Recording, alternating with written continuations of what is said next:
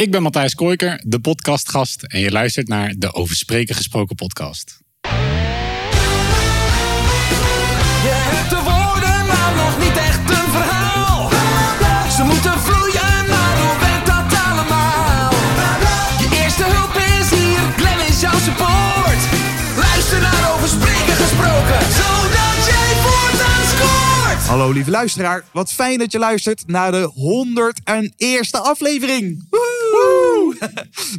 We zijn eh, de 100 gepasseerd en eh, je luistert naar de Over Spreken Gesproken podcast. Ik ben Glenn van Goosen en samen maken we korte metten met blanke koorts en leren we spreken met meer impact. Maar in deze aflevering eh, staat er iets spannends te gebeuren. Je hoort het zojuist al in een bumpertje. Ik heb Matthijs nu tegenover me zitten en we gaan de rollen omdraaien.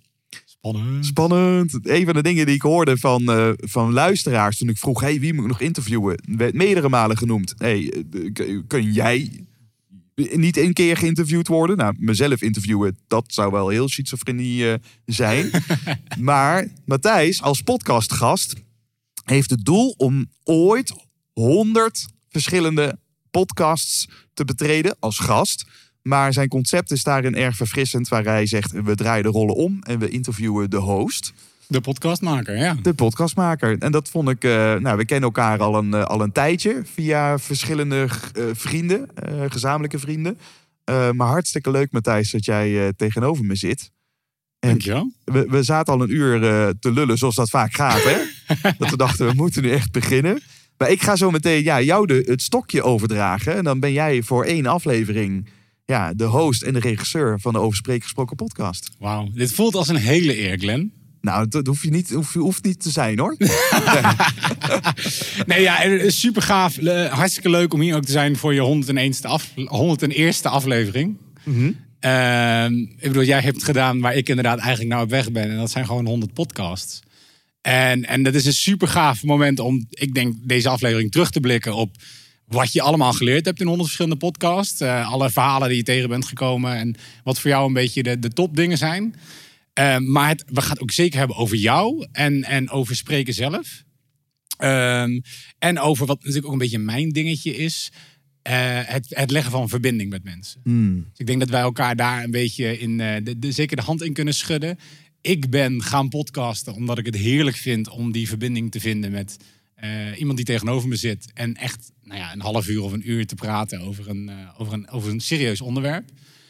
En ik denk dat ik daarin zoveel tips van jou eh, nog kan gebruiken. En zoveel eh, kunde en wijsheid uit jou en je 100 afleveringen kan halen. Oei, nou, ik voel me nu De al, lat, al, de al- lat ligt hoog. Dit bedoel ik dus. Dit wordt semi-ongemakkelijk voor mij. Maar luisteraar, wat fijn dat je er bent. En ik wens je heel veel luisterplezier toe. Nou, Matthijs, daar gaan we.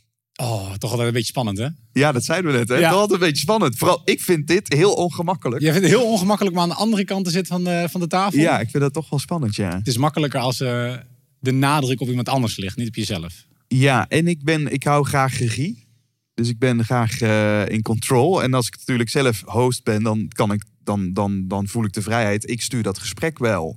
Nu heb ik, eh, we hebben natuurlijk voorbesproken, maar ik heb geen idee wat er eh, het aankomend eh, uur, anderhalf gaat eh, gebeuren. Nee.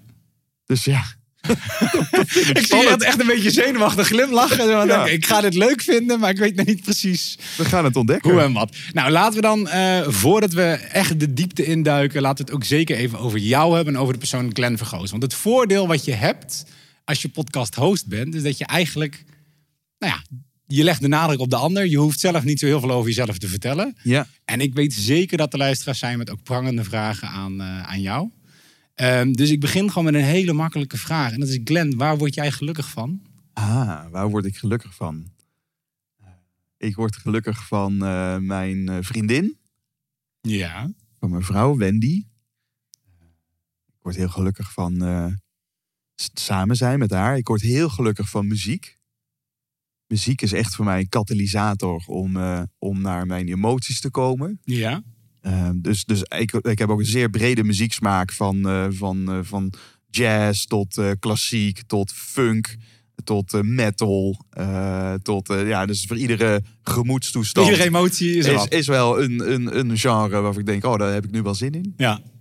Ik word heel gelukkig van dit gesprek. van, van onze ontmoeting. We, we, zijn al, we waren al een tijdje aan het praten. Dus ontmoeten in de breedste zin van het woord. Dat verbinden, wat jij ook in de intro zei. Ja, dat is voor mij echt zuurstof. Ja. Eh, om samen te zijn met mensen, om, om een nieuwsgierigheid te voeden. Dus dat, dat zijn denk ik wel de belangrijkste zaken. Ja. Nou hoor ik hier allemaal dingen in die jij volgens mij in je dagelijks leven allemaal toe mag passen. In je werk, in je privé. Dus ik kan me voorstellen dat je een ontzettend gelukkig man bent. Je, je zit een gelukkig persoon Je zit een gelukkig persoon. Zeker, nou ja, dat, ja. Dat is mooi, dat is mooi. Ehm, en je zegt ook, hè, het, het maken van die verbinding, dat heb jij ook. En net als wat ik heb, dat dat belangrijk is. Is dat, als we even teruggaan in de tijd, naar Glenn die nog een heel stuk eh, jonger en kleiner was dan dat Glenn nu is. Ehm, heb je dat altijd al gehad? Of weet je waar het een beetje begonnen is bij jou? En dat, dat verbindende Dat bedoel je? verbinden, ja. Echt dat, het zoeken naar die connectie en, en daar je energie uithalen. Ik, dacht, ik dacht heel lang dat dat echt wel voortkwam uit de dingen die gebeurden in mijn jeugd. Maar ik zag, een tijd terug, zag ik eh, beelden toen ik echt nog amper kon lopen.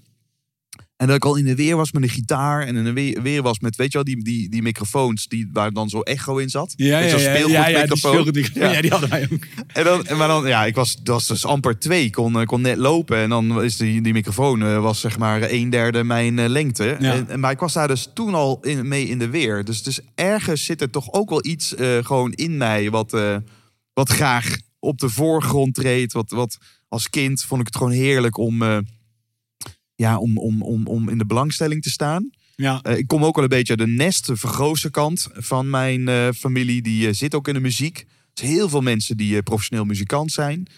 Ehm, een achterneef is getrouwd met, is drummer van Ilse de Lange, is getrouwd met Ilse de Lange ook. Dus dus meer de muziekhoek zou je Ja. kunnen zeggen. En, ehm, ja, en ik zei de gek, ben op een gegeven moment ben wel op pianoles gegaan. Maar ik verloor mijn hart op een gegeven moment in theater. Ja. Eh, dus dat heb ik heel lang eh, tot aan mijn studie. eh, dacht ik, ik, ik, ik wil theatermaker worden, ik wil acteur zijn.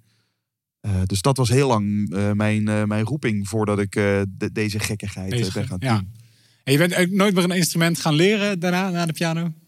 Nee, naar de piano niet meer. Dus ik speel nog steeds piano thuis, gewoon Ja. als, als hobby. Eh, ik vind het leuk om eh, een beetje te pingelen. Eh, maar het is ook niet meer dan dat hoor. En, en ik ben in mijn studententijd ben ik gaan DJ'en. Oké. En dat heb ik echt tot, tot voor corona nog gedaan. Serieus? Ja, dus dat, dat vond ik zo leuk dat ik het niet meer kon stoppen. En op een gegeven moment moest ik wel een keuze gaan maken. Maar het was dus heel gek dat dan, zeg maar, in de corporate wereld als trainer, dan eh, boekten mensen, eh, ja, dan, dan word je als trainer, nee, dan word je als trainer geboekt. En dus, dat, nou, dat is dan best wel, ik schrik altijd van dat soort bedragen, wat dan wordt gevraagd voor een trainingsdag. Maar dan in de weekenden stond ik dan eh, gek te doen in een of andere woonkamer waar, eh, waar zeg maar, mensen 50 eh, jaar werden en een feestje wilden Ja. vieren. Eh, voor een paar eh, knaken en een, eh, en een biertje. Eh, maar dat heb ik wel, eh, dat, ja, dat vond ik ook heel leuk. Om dan de gangmaker te zijn en, eh, en, en muziek in te zetten om mensen een goede tijd te Ja. bezorgen. Oh, wat grappig, ja, nu je het zegt. Ik herinner me een, een feestje, een, een 30ste verjaardag waar ik was, waar jij de DJ was. Ik denk dat dat Thijs Lindhout eh, Ja, dat is was. het feestje van Thijs Lindhout. Ja, en daar was jij inderdaad de DJ. Nu je het zegt, zie ik, zie ik jou helemaal weer achter die draaitafel staan Ja, en, ja. en losgaan. Ja, ja dus, dat, dat, dat, ja, dus dat, dat is eh, mijn erfenis van, eh, van, die, van die muziekkant. Van de muziekkant. En dan, en dan begin je als eh, in, het in het theater. Ik denk dat dat voor misschien wel veel mensen op het podium een soort van, van eerste liefde wordt. Omdat je, nou ja, ik denk in je jeugd heel makkelijk daar ook die connectie mee vindt. Hè. Dan ben je er niet be- bezig met, nou, ik wil een spreker worden voor grote corporates als je 14 bent. Maar op het, op het podium staan en theater maken is gewoon waar je dan je energie uit haalt. Ja. Maar dan maak je op een gegeven moment heb je een keer die overstap gemaakt. Hoe, Ja. hoe, is, hoe is dat gegaan bij jou? Nou, ik kwam er op de toneelschool achter dat ik drama als middel kon inzetten. Eh, dus ik, ik dacht eerst gewoon van, joh, ik wil kleinkunstenaar worden. Ik speelde, eh, omdat ik piano speelde en, en graag zelf stukjes schreef. Eh, ik was een groot fan van mensen als Hans Theeuwen of eh, Mike en Thomas. Misschien ken je de Mike en Ja. Thomas show nog op tv. Ja, die zijn allebei virtuoos op de piano, maar, maar ook heel grappig. Eh, dus ik zat wat meer in die variété-hoek. Ehm, maar eh, ineens kwam ik erachter dat er een vak bestond als eh, trainingsacteren. Dat je zeg maar eh, levend oefenmateriaal bent, de communicatietrainingen. Eh, en ik kwam erachter dat, eh, dat er dramatherapie bestond. Dus dat, dat je mensen met een vaak eh, mentale of ver- verstandelijke handicap eh, sociale, emotionele vaardigheden kunt trainen door middel van drama. En psychologie was altijd mijn tweede keus. Dus ik ben ook los van theater altijd heel nieuwsgierig geweest naar waarom doen we wat we doen. Mhm. Eh, wat maakt ons mens? Wat maakt het goede leven? Eh, eh, ja, wat, wat moet je dan doen? Hoe communiceer je effectief? Dus ik kwam er ineens achter dat eigenlijk die onbenutte nieuwsgierigheid over de psychologie, dat dat die te combineren was. En dat mijn gevoel van ertoe doen eh, ineens veel sterker werd gestimuleerd. Want als trainersacteur, dan deed ik er echt toe. Mhm. Ik was niet entertainment. Eh, eh, ik kan herinneren dat een keer tijdens een masterclass van toneelgroep Amsterdam... was Halina Rijn was daarbij, een bekende actrice in Nederland. En die zei een beetje gekscherend toen van... ja, je bent, je bent toch een beetje een emotionele hoer. Toch? Je wordt gewoon... Ja, nee, ieder- dan moet mijn uur omhoog. Iedere, iedere avond moet je weer door het slijk en, eh, en sta je daar naakt op het podium en eh, dan worden er raar. Weet je wel, en, en als je zo'n stuk als Hamlet doet van drie uur, ja, dat, dat gaat echt niet over. eh, dat, dat, dat, dat zijn de meest. Als je dit daarmee associeert, Mhm. dan, zijn er, dan gebeuren iedere avond verschrikkelijke dingen en dan moet je de meest doodsangst en, en, en, en, en ellende moet je vertolken hè, Ja. als acteur. En dan moet je dan toch maar uit jezelf zien te halen. Ja, ik merkte bij mezelf op een gegeven moment van, joh, ehm, dat is natuurlijk gaaf. En, en nog steeds lijkt het me heel vet om ooit een keer eh, op, eh, in Carré op het podium te staan. Ja. Maar toen ik erachter kwam dat ik het ook kon gebruiken om mensen echt verder te helpen. Ja, er, er raakte iets in mij waarvan ik dacht, ik hoef niet meer op het podium te staan. Dit is wat ik wilde, wilde gaan doen. Ja. Dus dat was mijn overgang. Dat ik zowel in de gehandicaptenzorg ben gaan werken. Ik heb theaterwerkplaatsen begeleid met mensen met een beperking. Daar voorstellingen mee gemaakt. Mhm. En ik ben eh, als trainingsacteur gaan werken. En dan kom je dus ineens een veelvoud van trainers tegen. die het ineens hebben over persoonlijke effectiviteit. over leiderschap. over effectieve communicatie. Ik wist allemaal niet dat dat bestond, joh. Die hele wereld kende ik niet. Maar ik dacht, wat? Wat gaaf. Toen de eerste persoon mij de zeven eigenschappen als tip aanraden. Of eh, Tony Robbins eh, Ja. kwam ineens voorbij. Er zijn gewoon mensen die gewoon leven als kunst hebben verheven. En als levenskunst dus tools hebben ontwikkeld om het leven leuker, gemakkelijker of effectiever te maken. Mijn hemel, waarom heb ik dit niet op school gehad? Ja. Wat gaaf. En ja, dat, toen, toen ontstond een tweede verslaving, zou je kunnen zeggen. En dan ben ik hopeloos uit de bocht gevlogen met allemaal seminars en allemaal trainingen. En eh, nou, zo heb ik Thijs natuurlijk ook een beetje leren kennen. Al Mhm. high-fivend rennend over hete kolen. Eh, tijdens een UPW-event van Tony Robbins. Eh, ja, en, en, en, en zodoende ben ik langzaam doorgegroeid. En wilde ik dus ook uiteindelijk niet alleen trainersacteur zijn, maar ook Trainer. Ja, ik wilde ook uiteindelijk die trainingen zelf gaan geven. Dus dat kwam voor jou echt nadat je, nadat je eerst die, die hoek in, in bent gevallen, zeg maar. De Tony Robbins en de, en de Stephen Covey hoek. Dat je daarna pas hebt gezegd, oké, ik ga die overgang maken en ik, eh, ik wil trainer worden. Ja, In plaats van trainersacteur. ja. En was eh, Stephen Covey voor jou ook de- zeg maar, de eerste waar je verliefd op werd en waar je solliciteerde en waar je aan de slag kwam? Of heb je meerdere methodes of meerdere trainingen? Ik heb jaren als freelancer gewerkt. Mhm. En dan als, als trainingsacteur. En daarna werd ik steeds vaker gevraagd als co-trainer. Mijn eerste stapjes als trainer maakte ik bij Jumbo. Oh, Jumbo. hallo. Hallo Jumbo. Hallo, Jumbo. Hallo, Jumbo. Ik eh, werkte, werkte daar als trainingsacteur voornamelijk. Maar ik werd af en toe gevraagd om dan ook eh, eh, de trainerschool te pakken. Zij Mhm. zaten toen in die overgang van C1000 en, eh, en Super de Boer. Die werden overgekocht. Dus er werden drie winkels per week geopend. Drie nieuwe Jumbo winkels. En die mensen moesten allemaal naar Veghel, naar het hoofdkantoor. En die kregen, kregen dan eh, de zeven zekerheden. Niet de zeven eigenschappen, maar de zeven zekerheden. Zeven beloftes Jumbo? die Jumbo doet eh, naar een klanten toe. Oké. En dat werd dan ingetraind. En eh, zij hadden klantvriendelijkheid hoog in het vaandel staan. eh, en de Brabantse gemoedelijkheid. Nou, dat werd dan allemaal door middel van trainingen werd dat, eh, gestimuleerd.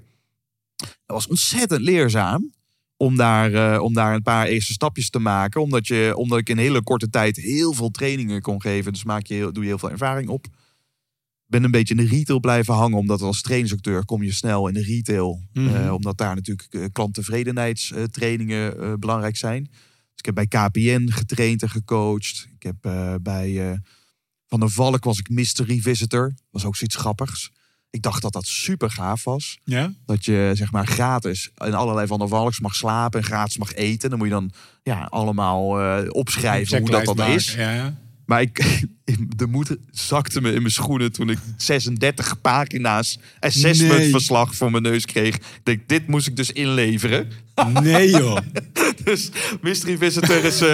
want ik had dat een beetje geromantiseerd. Ik heb daar ooit ook op nog gesolliciteerd. In, Ja? Als, ja, als tiener of zo. Ja. Met het idee, je krijgt producten thuis gestuurd. Weet je wel, en die Ja, mag je dan testen. proeven en leuken. En je kon inderdaad in winkels langs gaan en zo. Ik ben het nooit geworden. Ik heb het nooit gedaan. Nee, Maar- nee het kost ook Als best ik dit wel- hoor, kan ik hem ook gewoon afstrepen. is geen gemiste kans niet geweest. doen, niet doen. Nee. Het is leuk voor één keer, maar eh, nee, dus, dus dat, dat is de, de- wat, wat, ja, Stephen Covey, want dat was je vraag, is wel een van de eerste personen die, de eerste boeken die ik helemaal heb uitgelezen.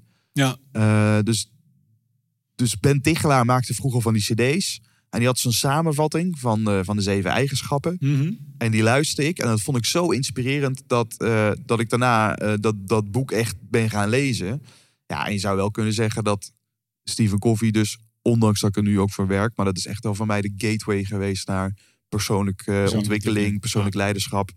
En, en nu ik er dagdagelijks mee bezig ben, ja, is dat misschien wel een van mijn grootste inspiratiebronnen die ik eh, in dit wereldje, zeg maar, eh, ken. Ja, ja. En dan, ik vind het wel interessant wat je... eh toen straks zei, je ging naar, hè, naar UPW... en je, ging, je bent op een gegeven moment een beetje uit de bocht gevlogen... met betrekking tot zelfontwikkeling en het gaan naar seminars. Ja. Ik denk altijd dat heel veel mensen eh, die in deze hoek terechtkomen... dat meemaken. Dat stukje. Ik ben zelf ben ik ook een keer naar UPW geweest. En toen was ook alles was zelfontwikkeling. En het enige waar ik mee bezig was, was het lezen van boeken over zelfontwikkeling. Weet je? Ja. Het kon niet harder, hoger, hyper leuker dan, dan dat. Eh, maar dat daar vaak een soort van omslag in zit. Je hebt of mensen en die blijven daarin hangen. En die gaan denk ik de rest van hun leven ieder jaar naar UPW en naar allerlei andere dingen. En je hebt mensen die daar op een gegeven moment dan ook weer een beetje een soort van ja, nee, niet echt afstand van nemen of zo, maar die dat wel weer terugschalen. Kan je een beetje uitleggen hoe dat voor jou is gegaan? Of zit jij nog steeds in, ook in het, ik ga gewoon ieder jaar nog naar, naar drie seminars en, en ik ga ermee door? Ja, ik kan natuurlijk alleen uit mezelf putten. Moeilijk Mhm. om voor andere mensen te spreken. Maar ik, er zit natuurlijk iets verslavends Ja, aan eh, de kick hebben om met 10.000 man bij elkaar te komen. En vier dagen alleen maar bezig te zijn met hoe, hoe kan ik het beste uit mezelf halen. ja, Ehm, dus, dus ook bij, ik had, voordat ik naar Tony Robbins ging, had ik eh, bij het Instituut voor Eclectische Psychologie NLP Practitioner gedaan. Daarna de NLP Master. Dus ik was al een beetje bekend met, eh, met dat neurolinguistisch programmeren, waar, Mhm. waar, waar Tony Robbins natuurlijk het meeste eh, uit ontleend heeft. Maar de ervaring dat je daar met 10.000 man bij elkaar staat en dat je op het eerste uur al meer mensen hebt gehighfived en geknuffeld en goed voor je is. En ik vooral zelf dacht als nuchtere Hollander, ja, ik ga zeker niet over kolen heen lopen. Daar heb ik allemaal geen zin in. Dus ik kwam daar ook een beetje zo nukkig binnen, een soort beetje eh, sceptisch. ja, ja, herkenbaar. Ja, en dan, dan zie je, dan voel je die energie in die ruimte. En binnen een paar uur stond ik ook te stuiteren en, en rende ik van hot naar her. Dat is natuurlijk gewoon een enorme beleving. Alleen het gevaar ligt natuurlijk op dat mensen blijven consumeren. En dat het ook, ook een soort businessmodel is natuurlijk. Ja, Maar als je gaat consumeren, maar je internaliseert dat niet. Ja, dan is kennis geen macht. Dan is alleen toegepaste kennis is macht. Ik hoorde laatst iemand zeggen, nou wetenschap, nou alleen maar weten, dat ligt op het schap. Beetje flauw. maar wat doe, je, wat doe je er uiteindelijk mee? En dat Ja. is natuurlijk wel heel bepalend. Dat ik geloof dat net zoals dat we onze spieren kunnen trainen, kunnen we onze geest, onze brein is geen spier, maar je kan hem wel trainen als zodanig. Ja, er zijn gewoon een, een, een reeks oefeningen die zo belangrijk zijn dat we onszelf daarin trainen. Mhm. Dat we bewustwording eh, stimuleren. Dat we de rust pakken om, om, om echt te doorvoelen wat we voelen. Dat we, dat we onderzoeken naar wie zijn we eigenlijk, wie willen we zijn. Dat zijn zo'n belangrijke facetten, denk ik, om een gelukkig leven te leiden. Dat het niet uitmaakt welke kaart je kiest. Want iedere goeroe die heeft een kaart gecreëerd. En een kaart is niet het gebied, is zo'n bekende NLP-veronderstelling. Dus de wereld is veel complexer dan de vier stapjes die dan zo'n persoon deelt. ja. Maar het is wel heel fijn om, als je nog niet kan koken, om gewoon te beginnen met een Recept hebben. recept. Ja, En gewoon dat recept maar te volgen. En dan aldoende eh, je, je ja, ste- steeds meer te groeien. En, st- en jezelf steeds eh, beter te leren kennen. ja. Nee, ik vind het wel een hele mooie vergelijking die je ook maakt met eh, het recept en het, en het koken. Ehm, ik herken inderdaad wel de, de, wat jij net noemde, de zelfhulpverslaving. Omdat het ook gewoon een soort van dopamine kick geeft om het idee te zijn dat je altijd bezig bent. Ik Ja. kreeg zelf inderdaad ooit een keer, ehm, en, en dat was voor mij is het van wakker schoppen. Ik luister altijd heel veel van die, eh, van, van die video's op YouTube, van die eh, motivational speakers en dat soort dingen inderdaad. Oké. Waarvan alles voorbij komt. Ja. Wat je dan gewoon de hele dag op hebt staan. Dat je gewoon ge- gebombardeerd wordt met, met, met, met verhalen van mensen. En op een gegeven moment eentje die eruit sprong. Want op een gegeven moment wordt het een soort van white noise. Wat je gewoon wegdrukt. Die van, ja, ben je iemand die, die alleen maar luistert naar dit soort dingen? Of ben je ook iemand die er echt iets mee gaat doen? En dat dat voor mij zo'n ding was. Oh ja, shit. Oké, ja, ik, ben, ik ben nu echt iemand die alleen maar luistert naar dit soort dingen. ja. Tijd om er eens wat mee te gaan doen. En dat mag, hè? Dus als iemand zegt, joh, ik vind, eh, vind het gewoon lekker om daarnaar te luisteren. Het is een prima tijdsverdrijf. Ja, er zijn ook mensen die iedere dag eh, een goede tijd ja, daarom. aanzetten. Dus, dus eh, als je dat doet als tijdsverdrijf en je haalt daar weer plezier uit, dan is dat prima. Maar ik geloof wel dat, dat uiteindelijk je leven daadwerkelijk pas beter wordt op het moment dat je niet de sportinstrumenten in de sportschool kent. eh, maar, maar er daadwerkelijk op gaat zitten. Ja. Eh, ik denk dat het voor eh, persoonlijke ontwikkeling niet anders is. Jij noemde net eh, zelfhulp. Ik vind Mhm. dat ook. Ik heb daar een beetje allergie voor. Voor dat woord. woordje zelfhulp. Want dat veronderstelt dat je jezelf moet helpen. Hè, dat we eigenlijk een beetje hulpeloos zijn. Ja. Daar zit al een soort van afhankelijkheidsverhouding in tussen de zogenaamde goeroe en, en, en de persoon die dus hulp nodig heeft. Dus ik vind zelfontwikkeling vind ik zelf een fijnere term, omdat nou, bij ontwikkelen, ja, dat de metafoor die vaak wordt gebruikt, is dat je wikkels van je afdoet om uiteindelijk dichter bij de persoon te komen die je al ten diepste bent. Ja.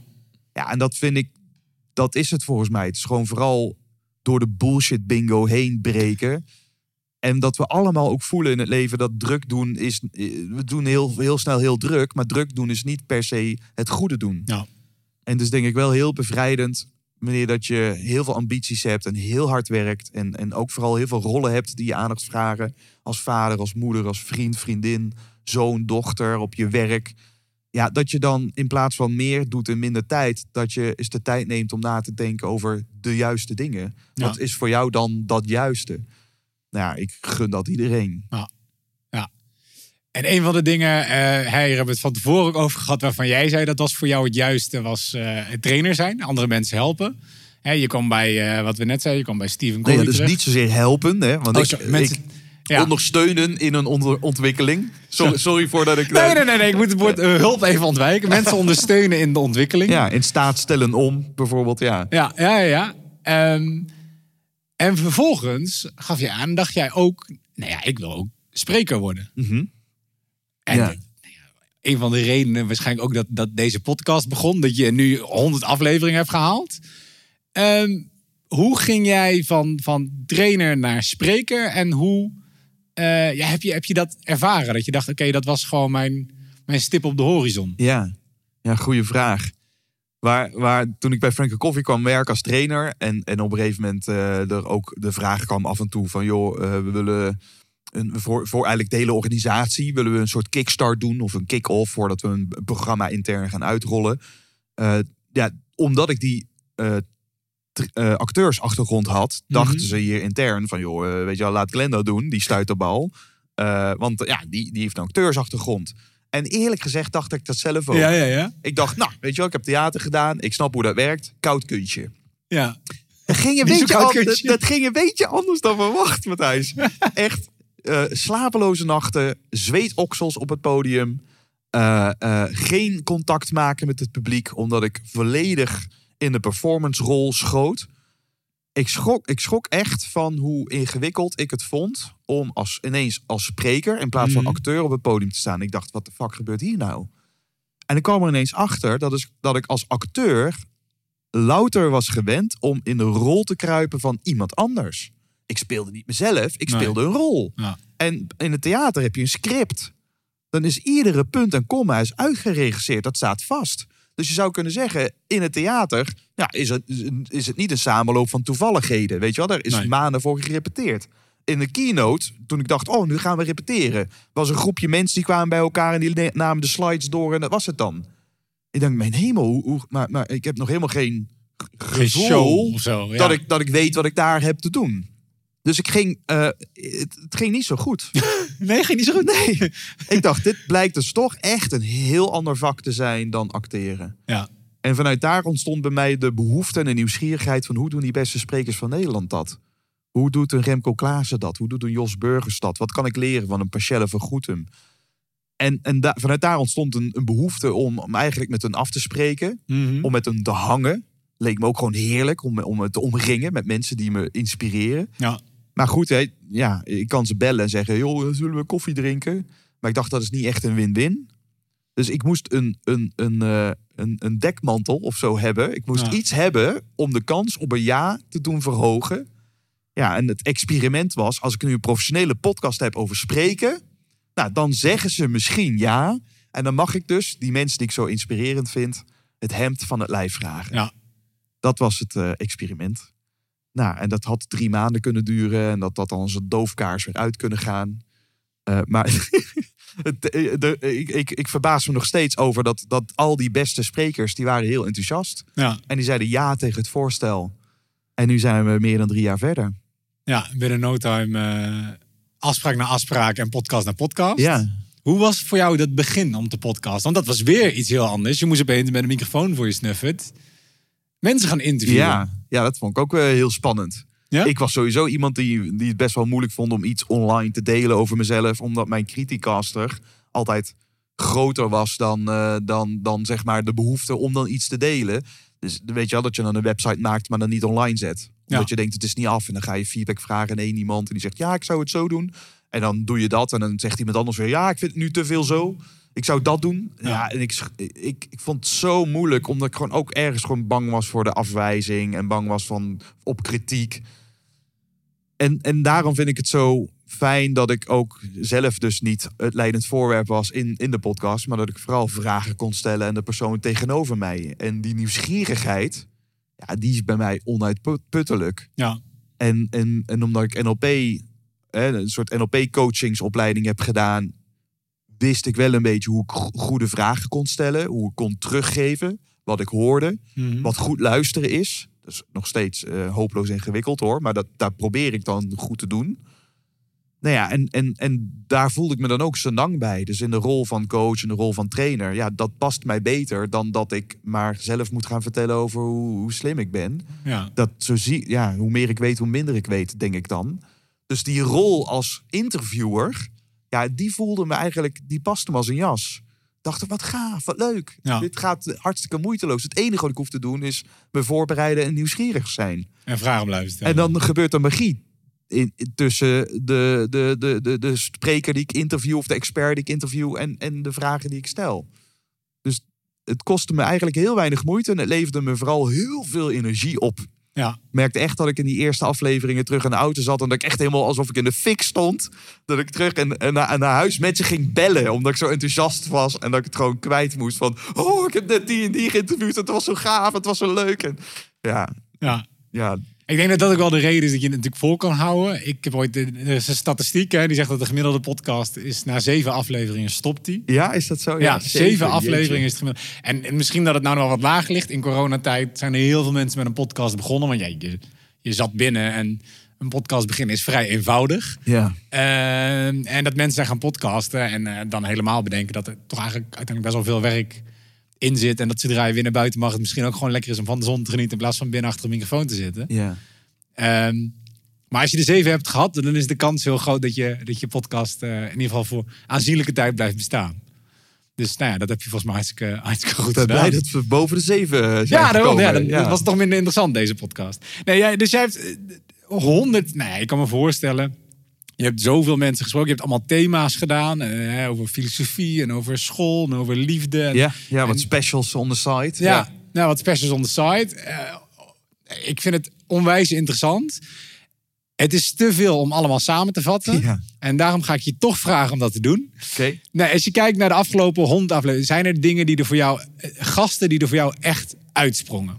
En dat kan zijn omdat je, nou, iemand als Jos Burgers, dat je, waar je helemaal tegen opkeek, dat je denkt, nou, die mocht ik interviewen, dat was gaaf.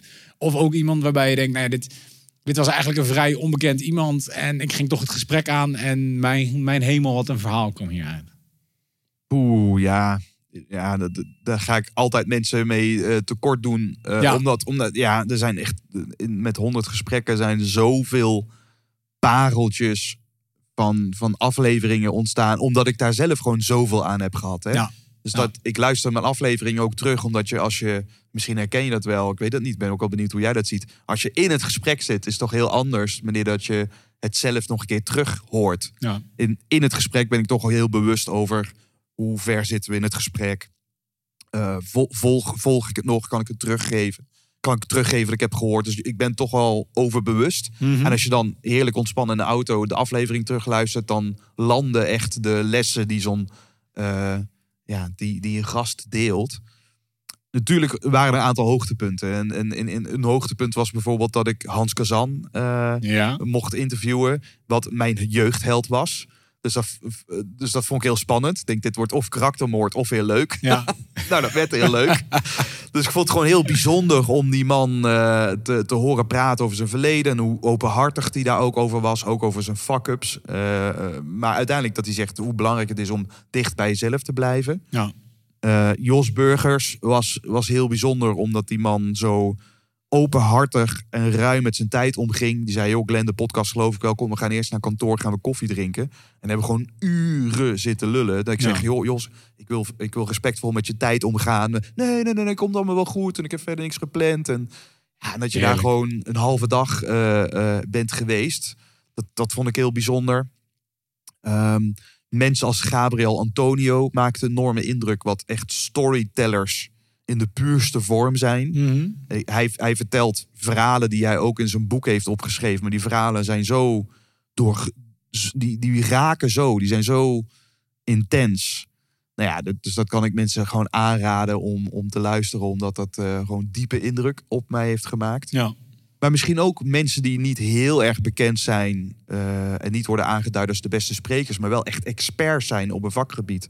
Zoals eh, Mieke Bauma is een voorbeeld. Mieke Bauma is eh, storytelling expert in Nederland. Die heeft daar echt veel onderzoek naar gedaan. En, en de dingen die zij heeft verteld gaan eigenlijk veel verder naar dan alleen de vaardigheid storytelling. Maar gaan ook over wat maakt dat we storytelling animals zijn. Wat maakt dat we eh, mensen, dat, eh, dat we betekenis geven aan deze gekke wereld door middel van verhalen. Ja. Dus het gaat veel meer over eigenlijk de filosofie achter de mens, dan dat het puur sec gaat over hoe vertel je een goed verhaal. En dat raakte mij denk ik ook wel door de reis van de podcast. Ging het al heel snel veel verder dan de vaardigheid spreken. Trucjes of dan Ja, precies. Het gaat veel verder dan waar laat ik mijn handen en waar kijk ik naar. Maar het gaat veel meer over wie je ten diepste bent. Want op het moment dat je daar oké mee bent, Mhm. sterker nog, je kan je uit die bron laven. Ja, dan, dan ben je haast per definitie inspirerend Ja. voor anderen. Ja. Omdat we om ons heen heel veel mensen zi- zien die ogenschijnlijk heel succesvol zijn, maar eigenlijk stiekem een masker dragen. En, en, en, en misschien wel zichzelf onder de Instagram-filters een ander beeld tonen dan, dan eigenlijk wie ze ten diepste zelf zijn. Ja. En die, eh, die vaardigheden, dat vind ik wel even interessant dat je doet. Is, is dat zoiets? Verbeter me als ik het fout heb. Waarbij als je ehm, nog geen spreker bent en je wil het worden, dan denk je, nou, dit zijn de belangrijke dingen die ik moet leren. Ik moet die vaardigheden echt leren, want dan kan ik op een podium doen wat ik wil doen. Ja. Eh, waarbij als je eenmaal spreker bent, je zegt nou die vaardigheden, dat is eigenlijk nog niet eens 10% van wat belangrijk is in mijn verhaal. Of in, in wat ik doe. Ik denk dat het een kwestie is van en-en, dus nooit of-of. Mhm. Dus ja, spreken is een vaardigheid. En, dat, en, en, en net zoals bij iedere vaardigheid kun je dat leren. Maar ook net zoals dat iedereen zangles kan nemen en dan beter wordt in te zingen. En ja, dat, dat wil nog niet zeggen dat je ja, een soort natuurlijk talent hebt Ja. voor zingen. Ja. Dus de, sommige mensen, en ik vind bijvoorbeeld Remco Klaassen vind ik daar zo'n mooi voorbeeld van. Die, ja, dat is, dat- die, die vindt het zo gaaf om dag in dag uit weer op dat podium te staan. Omdat hij daar zelf zo van geniet, Ja. straalt dat automatisch over naar de zaal. Ja, en ik noem dat ook wel een beetje het blije eikel effect.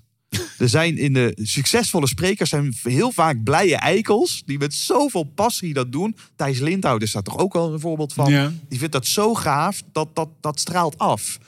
Terwijl het ook heel veel mensen eigenlijk ja, daar niet heel veel plezier uit halen. En dat zie je er meteen aan af. Dan zie je meteen, oh, ik voel me helemaal niet op mijn gemak. Ik vind het niet gaaf om dit te doen. Mijn Limburgse, de allereerste regisseur en, en, en, en, en dramadocent die ik had toen ik nog in Limburg woonde, die zei al, je moet zo'n beetje Steven Piemel krijgen als op het podium stuis. dus hij zegt, ja, als jij, eh, als, dus hij zei van, joh, omwille, er zijn zoveel mensen die het podium willen bestieren, maar als jij niet al van binnen een soort geilheid hebt eh, om op dat podium te gaan staan, Ja. ja, dan zullen de mensen die dat wel van nature hebben, die zullen dat veel moeitelozer kunnen doen dan, dan de mensen die dat niet hebben. Ja. Maar dus, dus A, heb je er passie voor? Dat is belangrijk. B, als je er passie voor hebt, dan is het een vaardigheid die je kunt leren. En C, daar hadden wij het ook in de voorbespreking over. Wat heb je dan te vertellen? Ja. Dus een spreker vertelt, maar als je zelf nog geen verhaal hebt of nog geen expertise hebt opgebouwd, ja, dan wordt het natuurlijk een, een holle huls. Ja. Dan, dan spreek je gebakken lucht in plaats van dat daar een bezield mens staat, omdat hij een inzicht heeft of een verhaal heeft waarvan hij denkt, ja, dit moet mensen, dit moeten mensen horen. Ja, ja. Nou ja, dat vind ik, eh, ik vind het leuk dat je het op die manier zegt. Want dat is iets eh, waarmee ik zelf ook mijn podcastgast eh begonnen ben. Met het idee dat ehm, iedereen kan iets leuks en interessants vertellen. En zolang je bij iemand maar vindt waar iemand gepassioneerd over is of waar die over praat. Ja. Eh, de meest introverte persoon die absoluut geen aandacht wil. ehm, en, maar die, weet ik veel, ontzettend fan is van eh, Dungeons and Dragons. Als jij die persoon begint over Dungeons and Dragons of over modeltreintjes of over iets anders, dan maakt het niet uit dat die persoon eh, niet gewend is om te praten. Die kan daar ontzettend gepassioneerd en leuk over vertellen. En dat vinden van die, die kleine dingetjes waarmee je connectie maakt met iemand. Ja, dat, vond, dat vind ik zelf heel interessant. En dat is iets waar ik heel erg in wil oefenen. Dat je mensen op de juiste plek raakt, dan is iedereen op een manier bevlogen. Ontzettend. Ja, helemaal onderstreep ik helemaal. Ja. Ja. Maar dan vind ik het wel interessant dat je net zegt, eh, in het- je, je, spreekt, je deelt sprekers een beetje in, in twee verschillende eh, groepen of spreken zelf. Je hebt het stuk, hè, ik, een technisch goed, vaardig verteld verhaal. En het daadwerkelijke verhaal wat je vertelt. En in onze voorbespreking zei je ook dat jij bestempelt jezelf meer als een soort van spreker zonder verhaal. Als ik dat zo mocht zeggen. Mhm. ik zie nu. ja. Zei, ja, ik ben wel een spreker, maar ik ben meer een soort van dan de, ook niet, niet dat verhaal hebbende. Maar kan je daar wat meer over, over uitleggen, over hoe je dat bedoelde?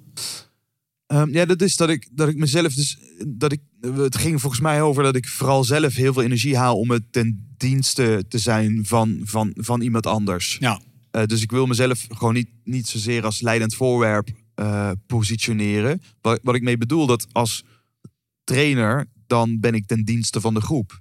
Dus natuurlijk eh, sta ik ook voor die groep. En natuurlijk vind ik het dan ook leuk om dan dat, dat, dat ik de aandacht kan pakken en dat ik mensen mee kan nemen in een verhaal. Dat de vorm vind ik heel leuk. Maar, maar uiteindelijk gaat het mij om dat ik, dat ik die ander in staat stel om een volgend stapje te zetten in zijn Ja. carrière, in, zijn, eh, in de relatie tot zijn gezin. Eh, uiteindelijk een bijdrage leveren om, om die ander een gelukkig leven te laten leiden. Waarvan ik overtuigd ben dat eh, in Nederland, waar we het zo goed hebben, dat iedereen de voedingsbodem heeft om in ieder geval zichzelf te ontwikkelen. Omdat heel veel dingen als vanzelfsprekend hier eh, ja, er zijn. Hè? Ja. Eten, hygiëne, eh, recht op onderwijs, een dak boven ons hoofd. Die zijn in zekere mate een vanzelfsprekendheid voor velen. Ja. Dus we kunnen onszelf vrij snel eh, in staat stellen om, om onszelf op wat voor plek of niveau dan ook te ontwikkelen. Ik vind het gaaf om daar een bijdrage aan te leveren. En als sprekersregisseur begeleid ik sprekers om het verhaal gestalte te geven. En dan vinden mensen het fijn dat ik enerzijds die theaterachtergrond heb. Want dan kan ik de wetten van theater kan ik gebruiken om hen, eh, kan, ik, kan ik meegeven aan hun. En mijn onderzoek naar de beste sprekers van Nederland maakt dat ik nu inmiddels wel wat rode draden zie over wat werkt op zo'n podium. Ja. Dus dat, dat vind ik gaaf. En dan denk ik, ja, dan vind ik het leuk om daarover te spreken. Maar eh, je hebt ook sprekers die zelf iets meemaken. Zoals Jozef Oepelkas, die onschuldig in Marokko jaren gevangen zat. Dat als fundament gebruikt om te gaan spreken. Niek van den Adel, die een eh, ongeluk meemaakt met zijn motor. eh, een dwarslesie heeft en daarover gaat spreken. Dat is heel inspirerend om, om, om die mannen of vrouwen te horen spreken. En ook ik heb mijn geschiedenis, ook ik heb mijn ervaringen natuurlijk die maken dat ik nu doe wat ik doe. Maar Mhm. ik wil die ervaringen wil ik niet ja, het hoofdonderwerp laten zijn voor waar, waarom ik spreek. Terwijl dat het wel belangrijk is als spreker om, om die kwetsbaarheid eh, wel mee te nemen. Ja. Nou, en dat maakt dus dat de vorm van de vak spreken, sorry voor mijn lange antwoord, Nee, nee. die past me denk ik minder dan de rol van trainen en eh, het coachen van sprekers. Als je dan eh, sprekers coacht, zit dat dan ook echt nog heel erg in die vaardigheidskant waar je mensen helpt? Eh, dat, dat kan, maar het kan, het kan ook gaan over het verhaal.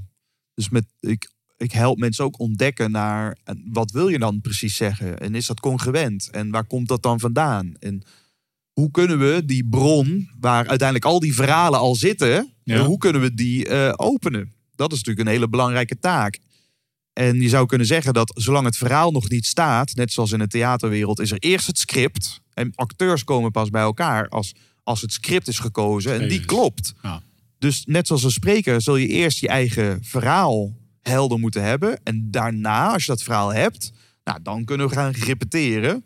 En door het te repeteren, dan kunnen we kijken naar de delivery. Waar sta je? Wanneer? Waar ga je versnellen? Waar zet je een punt? Waar kun je misschien eh, een beeld toevoegen of een attribuut meenemen? Wat zijn misschien nog metaforen die je kunt koppelen? Nou, het zijn allemaal dingen die je pas kunt bouwen als het fundament er is. Ja. Ja, dus er zit gewoon een volgordelijkheid in dat proces, geloof ik. Oké. Nou ja, ik vind, ik vind het super interessant om, eh, om te horen hoe je je op deze manier ook nog met, met het spreken bezig kan houden. Eh, en, en zeker met het communiceren. En dat is ook een beetje waar ik eh, nu graag naartoe wil. Omdat in, mijn, en in mijn ogen ben jij echt gewoon een, een communicatie-expert. Ehm, ook omdat je het op zoveel verschillende manieren meemaakt. Hè? Dus als, als trainer dan zit je eh, of één op één of op een groep. Maar heb je een directe connectie met mensen, verbinding die je moet maken. Op het moment dat je een spreker bent, sta jij natuurlijk op het podium en zegt het publiek in principe niks terug. Althans, dat is meestal de bedoeling. Ehm, en omgekeerd, of als, en als derde punt, eh, heb je een podcast zoals deze, waarin jij natuurlijk eh, honderd afleveringen aan ervaring meeneemt. En het interessante aan communicatie in een podcast vind ik, is dat, je, is dat het eigenlijk tweeledig is. Aan de ene kant hebben wij de verbinding hier met elkaar. Ik kijk jou in je ogen aan en wij hebben een heel mooi verhaal. Ehm, en dat vertel je. Maar anderzijds, ja, op de achtergrond ben je natuurlijk ook nog bezig met de mensen die luisteren naar dit verhaal. En daar moet je ook een soort verbinding mee hebben. Ja. En ja, ik snap dat het altijd een beetje lastig is om om concrete tips te vragen of een top drie of wat dan ook. Dus, dus eh, die kant wil ik niet opgaan. Maar hoe zie jij die verbinding? Of zijn er dingen die jij altijd in je achterhoofd houdt, Mhm. die je kan delen? Die mij misschien kunnen helpen of, of iemand die hier naar luistert die zijnzelfde eh, gesprek heeft. Ja, mooi. Dus ik zit nu na te denken. En het zijn verschillende. Ik denk dat zijn er twee, twee pilaren die ik zou kunnen eh, eh, voeden. Met jou goed vinden. brandlos. Eh, en die eerste pilaar die komt eigenlijk al voort toen ik. Volgens mij de podcast was toen twee jaar of anderhalf jaar bezig. En toen kreeg ik de uitnodiging om een TEDx-talk te maken over de podcast. Ja. Nou, ook dat was natuurlijk een soort. Wow, had ik nooit ja. verwacht dat ik. eh, TED is natuurlijk eh, de beste sprekers van de wereld staan op de TED-podia's. En ik kijk thuis in mijn vrije tijd eh, heel graag van die goede TED-video's. Dus de kans om zelf een TED-talk te maken over spreken. Nou, kan ik iedereen afraden. Wat ga je dus spreken over spreken op een TED-podium. Waarbij je maar één kans hebt. En alles wat fout gaat, staat vervolgens voor de rest van je leven, op de TED-website. Internet. Oh man, dus dat was alle ruimte voor mij om complete disruptie in te schieten. Te denken, mijn hemel, hoe ga ik dit overleven? Waarom heb ik hier een vredesnaam ja gezegd? Ja. Maar uiteindelijk toch, ja. Maar, maar ik moest met iets komen natuurlijk. Ja. En ik heb toen nagedacht over de rode draad. Over wat voor mij eigenlijk de rode draad is. Wat alle goede sprekers, of dat nou letterlijk een spreker is, maar dat kan ook zomaar aan de keukentafel zijn spreken. We spreken natuurlijk de hele dag door. Mhm. Maar wat hebben die mensen nou met elkaar gemeen? Ja, en daar kwam verbinding. Jij noemde dat net. Verbinding kwam voor mij als codewoord omhoog. De beste sprekers van de hele wereld zijn in staat een verbinding te maken op drie niveaus. Dat is een verbinding met een boodschap. Dus ze voelen heel duidelijk passie voor wat ze delen. En ze hebben duidelijk een doel voor ogen. Dus er is een reden waarom dat ze daar staan te spreken. Dat kan zijn, ik, wil, ik sta hier voor een boardroom en ik heb aan het einde van de presentatie wil ik een ja of een nee horen voor een investering. ja. Nou, dus dat, dat kan een doel zijn. Een doel kan zijn, hey, ik, ik, ik wil vertrouwen stimuleren. Want ik wil namelijk relaties om me heen met hoog vertrouwen. En, en, ik, en, en met spreken bedoel, kan ook luisteren zijn. Hè? Dus dan in dat dialoog, hoe beter ik luister als sprekende, hoe, hoe gemakkelijker die verbinding gaat. Dus ik heb een verbinding. De eerste stap is verbinding met een boodschap. Wat betekent dat ik passie voel voor het onderwerp. En dat ik een helder doel heb waarom ik daar sta. Een tweede verbindinglijn heb ik te maken met mezelf. Mhm. En het gaat over de geloofwaardigheid. Tweedelig. Zien die andere mensen mij als geloofwaardig? Dus als ik op een podium sta, denken ze dan: Oh ja, dat, dat, dat ziet eruit als een prima gast. En heeft hij een track record waarvan je denkt: Nou, dat, weet je, dat, dat klinkt geloofwaardig dat hij als expert daar dingen over deelt. Maar het heeft ook vooral te maken met je vermogen om op zoiets spannends. Hè, je, je steekt je kop boven het maaiveld uit. In Nederland zijn we daar niet goed in. Mhm. Wordt gezegd, doe maar normaal, doe je al gek genoeg. Dus het is een hele uitdaging om in dat moment te kunnen ontspannen. Ja. Want Michelle van Goetem deed onderzoek naar wat maakt mensen overtuigend. Nou, de sleutel tot overtuiging is over ontspanning. Oh, Dus de mensen die overtuigend zijn, die zijn ontspannen in dat moment. En dat zie ik alle fantastische sprekers, die staan daar op het podium alsof ze gewoon in de kroeg staan tussen hun vrienden. ja. Gewoon relaxed. Die vertellen een verhaal alsof ze een een verhaal vertellen na- na- naast hun kameraad. En het super relaxed is. En dat, omdat we spiegelneuronen hebben, kopiëren we onbewust het gevoel wat een spreker uitstraalt. Dus als die spreker ontspannen is, ontspan ik als publiek ook. En als ik als publiek ontspan, ja, dan word ik ontvankelijk voor de inhoud. Ja. Want als ik daar zelf ook gestrest zit, ja, dan luister ik helemaal niet meer. Dan denk ik, help, meneer, meneer houdt dit op. Waar is de nooduitgang? Ja, maar mag ik, mag ik weg? Ja. Dus je hebt een verbinding nodig met de boodschap, een verbinding nodig met jezelf. En tot slot heb je een verbinding nodig met je toehoorders. Jij zei net, als je op het podium staat, dan is het eigenlijk meer een monoloog hè, en niet een dialoog. Ik geloof dat niet. Oké. Ik geloof dat ook al sta ik als spreker op het podium, dan heb ik, ook al zegt bij wijze van spreken de, het publiek niets, ben ik alsnog een dialoog. Oké. Alleen zij communiceren niet met woorden, maar als spreker communiceer ik dan met, met micro non-verbale signalen. Ja. Ik, ik, ik- zij communiceren met de stilte. Stilte, mensen die met elkaar praten of die... Ja, dus, dus de non-verbale feedback of de geroezemoes of, de, of dat je echt voelt, oh mensen zitten nu op het puntje van een stoel.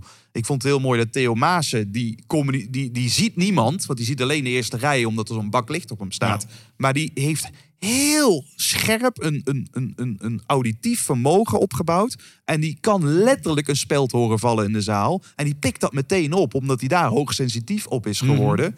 Omdat dat zijn modaliteit is om te communiceren met de zaal. Dus dan is de lachsalvo's die een cabaretier krijgt, is directe feedback op hoe je het als cabaretier doet. Ja. Dus ik geloof dat, dat het ten alle tijde, dat communicatie en verbinding is ten alle tijde een, een, een tweedeling met zowel onszelf Ja. en, en de ander. Ja. Dus nu zitten wij tegenover elkaar. Wij hebben een lijntje met elkaar. Dus we zijn hopelijk een beetje in contact met onszelf. Dat betekent dat we uit ons kop moeten en een beetje ook naar ons buik toe. Hè? Dat we relaxed op ons stoel zitten. Dat we ons op ons gemak voelen. Ah, nou, dat helpt om open in contact te staan. Ja. Maar er is, waarschijnlijk heb jij dat ook, als, met jou, al jouw ervaring in podcast. Je hebt altijd ook een lijntje, een onzichtbaar lijntje met die luisteraar. Ja. En dat je je rea- realiseert, wij zijn hier nu met z'n tweeën. Maar stiekem zit er nu ook iemand in de auto en die luistert dit ook. Stiekem is nu iemand aan het hardlopen. Of stiekem is nu iemand aan het koken of aan het schoonmaken. Of wat nu iemand aan het doen is. Maar hallo luisteraar, wat fijn dat je er nog bent. Alleen al om daar bewust van te zijn, heb je automatisch nou, een, een onzichtbare lijn. Die, Ja. die, die dat. Ik voel dat dan terwijl dat ik eh, een podcast aan het doen ben. Dat wow, weet je wel, dit. dit die- Ja, dat zit echt in jouw achterhoofd. Dat jij nou ja, bewust even bezig bent met... Oké, dit is hè, de persoon die dit nu luistert, die aan het stofzuigen is. Ehm, daar denk ik ook aan mee. Ja, dus ik kan die luisteraar ook toespreken. Ja. dus dat is dat ik hoor mezelf dan af toe zeggen van eh, joh, en, en als je dit zegt, dan, dan kan ik begrijpen dat de luisteraar denkt. En dan vertolk ik als het ware Ja. de stem van de luisteraar. Dat heb je natuurlijk vooral als je bij aflevering 80 bent en iemand spreekt weer over zijn dingen van spreken. Ja, ik heb de kans is vrij groot dat bepaalde praktische tips over spreken, dat ik dat eerdere gasten al heb horen Ja. zeggen. Maar dan is het niet handig dat ik dan zeg, ja, maar dat weet ik allemaal al. Nee, maar dan verplaats ik me in de stoel van de luisteraar. En dan, dan stel ik mezelf de vraag. Stel, ik ben nu die luisteraar in de auto. Wat voor vraag zou die nu stellen in dit moment? En dan probeer ik dus de stem van de luisteraar te vertolken. En daarmee is dan de, de luisteraar spreekt niet, maar ik probeer daarmee, doordat ik de luisteraar ook een stem geef, ja, wordt die automatisch meer betrokken bij dat gesprek. Ja. Nou, dat is hoe, hoe ik dat probeer te doen. Maar dus in samenvatting, de beste sprekers van de wereld hebben mengen en balanceren die verbinding op drie niveaus. En met wat ze zeggen, en met wie ze zelf zijn. En eh, eh, in, in de interactie en de betrokkenheid met die toehoorder. Ja, daar moet ook een, een, een verbinding op gemaakt worden. Ja. En is dat... eh, nee, ik probeer even, even rustig voor mezelf te verwerken wat je me allemaal hebt verteld. Want het, nee, het, zijn, het, is, het is super ehm, eh, handig om te zien hoe jij het ook in, in deze drie stappen natuurlijk indeelt. En dat jij ook bezig bent met, eh, met die toehoorder van een podcast zelf. Ik probeer er zelf ook altijd aan te denken. Maar ik kan me in een gesprek ook helemaal verliezen. Ehm, en dat zijn zeker de podcasts waarbij je op een gegeven moment eh, op stop drukt en uiteindelijk ziet dat je eh, anderhalf of twee uur verder bent en dat je dan denkt, oh ja, wacht, er waren ook nog mensen aan het meeluisteren. Waar hebben we het eigenlijk allemaal over gehad? Ja, Ehm, en dat het anders is dan de, de korte en bondige podcasts. Of, dat hangt natuurlijk ook een beetje van het onderwerp af en van de interesse die ik zelf eh, heb in het onderwerp. ja, ja. Ehm, maar nee, ja, ik denk dat dit qua verbinding maken een hele goede is. En zeker omdat het ook van toepassing is, nou ja, zeker niet alleen hierop, maar op iedere vorm van communicatie. ja.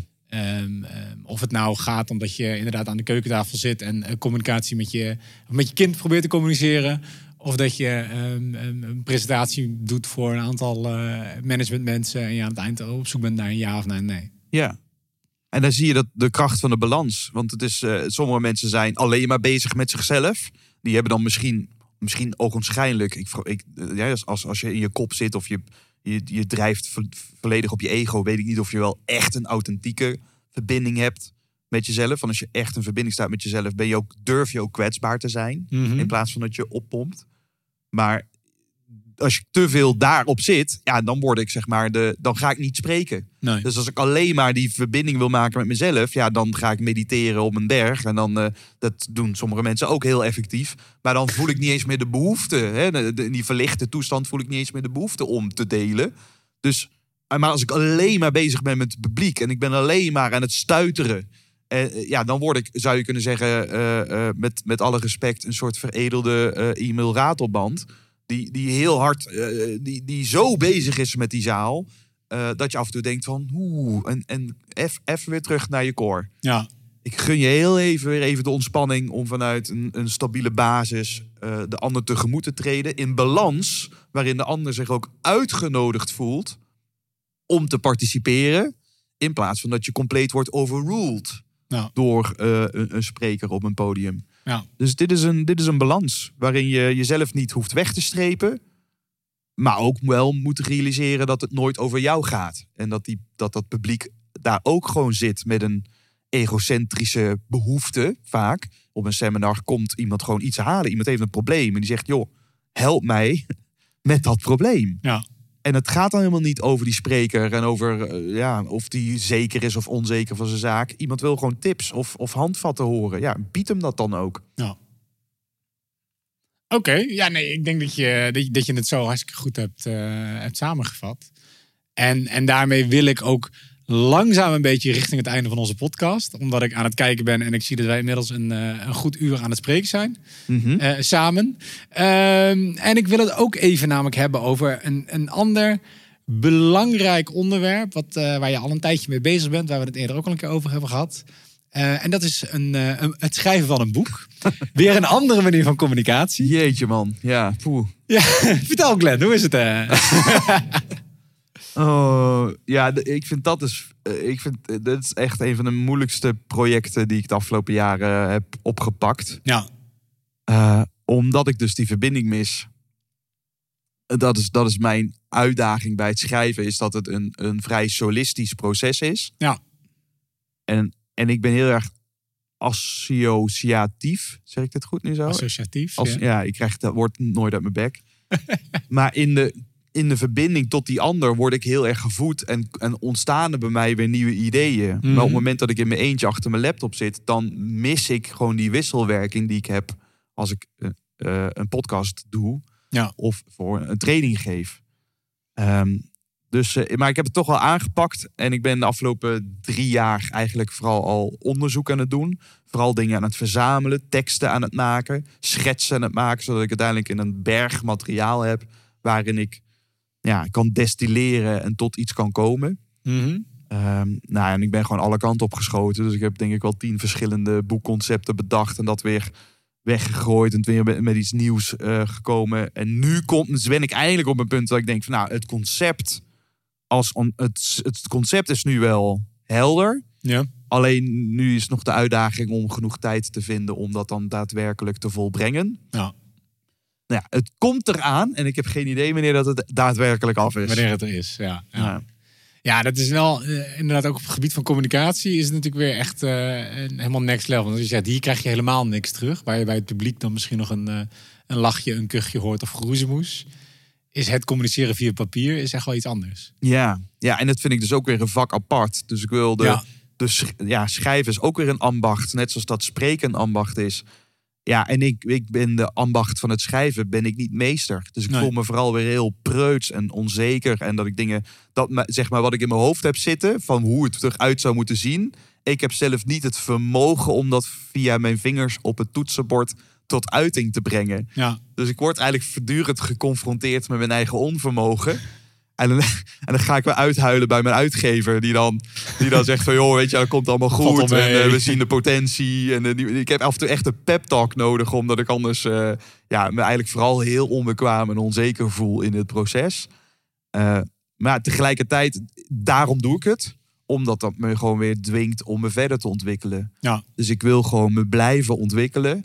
Net zoals dat ik een paar jaar geleden spreken me daarin wilde bekwamen. Ja, ben ik nu gewoon bezig om ook te bekwamen in het schrijven. het schrijven. En daarin eh, trek ik ook iedereen die er een training voor heeft gemaakt of een boek voor heeft geschreven, die, die trek ik eh, aan zijn lurven of voor de podcast of ik, ik koop zijn of haar product om dat dus ook beter eh, te leren. Ja, dus een over schrijven gesproken podcast. Had zomaar gekund.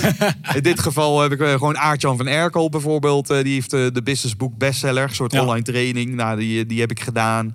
En eh, er zijn gelukkig heel veel mooie boeken over schrijven. Eh, nou, dus dat is dan ook weer een heel mooi onderwerp om, om, om, om me in te ontwikkelen. Ja. En heb je wel eens geprobeerd om... te ik heb wel eens van, namelijk van cabaretiers gehoord die dit ook doen. Die zeggen, "Hé, ik kan niet schrijven, ik, eh, ik moet mijn verhaal gewoon vertellen. Ja. Die vertellen het gewoon tegen een audiorecorder. En die gaan daarin knippen en plakken. En daar komt uiteindelijk iets uit wat ze dan op papier kunnen zetten. Dat ze dat hebben als... Heb jij dat ook geprobeerd? Ja, ja, zeker. Dus, eh, dus het transcriben van je eigen eh, ingesproken teksten is een super goede tip voor als je een betere spreker dan schrijver bent. Nu is spreektaal echt wel anders dan schrijftaal. En ik was dus de afgelopen jaren vooral bezig om mezelf te ontwikkelen in, in schrijftaal. En het is super grappig. Ik deed begin dit jaar een traject bij de Speakers Club. Eh, een, eh, een initiatief van eh, Mandy Schild, die ik heb geïnterviewd. En Niek van den Adel en Richard de Hoop en nog een paar. Die sprekers soort next level maken. Ik dacht, ik kan mezelf niet regisseren. Dus dan heb ik gewoon mensen nodig die dat bij mij doen. Ja. Om mijn keynote ook gekoppeld aan het concept van het boek te maken. Ja, en toen, zei, toen was het meest gekregen feedback die ik krijg. Ja, Glenn, je hebt, je hebt allemaal mooie, mooie teksten gemaakt, maar dat is allemaal schrijftekst. Dit moet weer spreektekst worden. Ik ben hemel. Ik ben jaren bezig- geoefend dan. Ja, ik ben jaren geweest om tot schrijftekst te komen. Nu moest ik het weer een soort van afleren in, in, in, in het maken van die keynote, omdat, ik, omdat het weer spreektaal moest worden. Nee joh. Ja. Dus ja, zo, blijf, zo houden Zo we je- verder van de straat. Zo blijf je bezig. Als je constant moet wisselen, dan... eh dit is bijna niet te doen, joh. Ja, nou, dat houdt ja, Houd je van de straat. houd je van de straat. Ja, blijf ik lekker bezig. Ja. Ehm, je hebt 100 podcasts gehad. Dit is een, een mijlpaal nou ja, waar ik alleen nog maar tegenop kan kijken. Super gaaf. What's next voor de podcast? What's next voor de podcast? Ja, dat is een goede vraag. Ik ben eh, zelf best Wo- wel... Ja? Ik wil zeggen, wordt het een overschreven ges- gesproken podcast? Nee, nee, we, Gaan, we gaan geen, geen podcast maken over schrijven. Eh, we gaan... eh, ik, ga wel, ik ga wel kijken hoe... De podcast gaat door. Dus dat is fijn. Het blijft, eh, blijft bestaan. Ik ga wel, los van deze podcast, komt er een nieuwe podcast aan. Oh, Een podcast die ik ga maken in, in samenwerking ook met Frank en Coffee. Een podcast die zich wat meer focust op, op leiderschap, op persoonlijke effectiviteit. Wat dat precies gaat zijn, dat, dat wordt nu, as we speak, wordt dat ontworpen, gecreëerd. Dus daar weet ik het precies er nog niet van. Eh, maar eh, ik vind het spreken en het praten over spreken en communiceren vind ik nog steeds machtig interessant. Dus dat blijven we doen.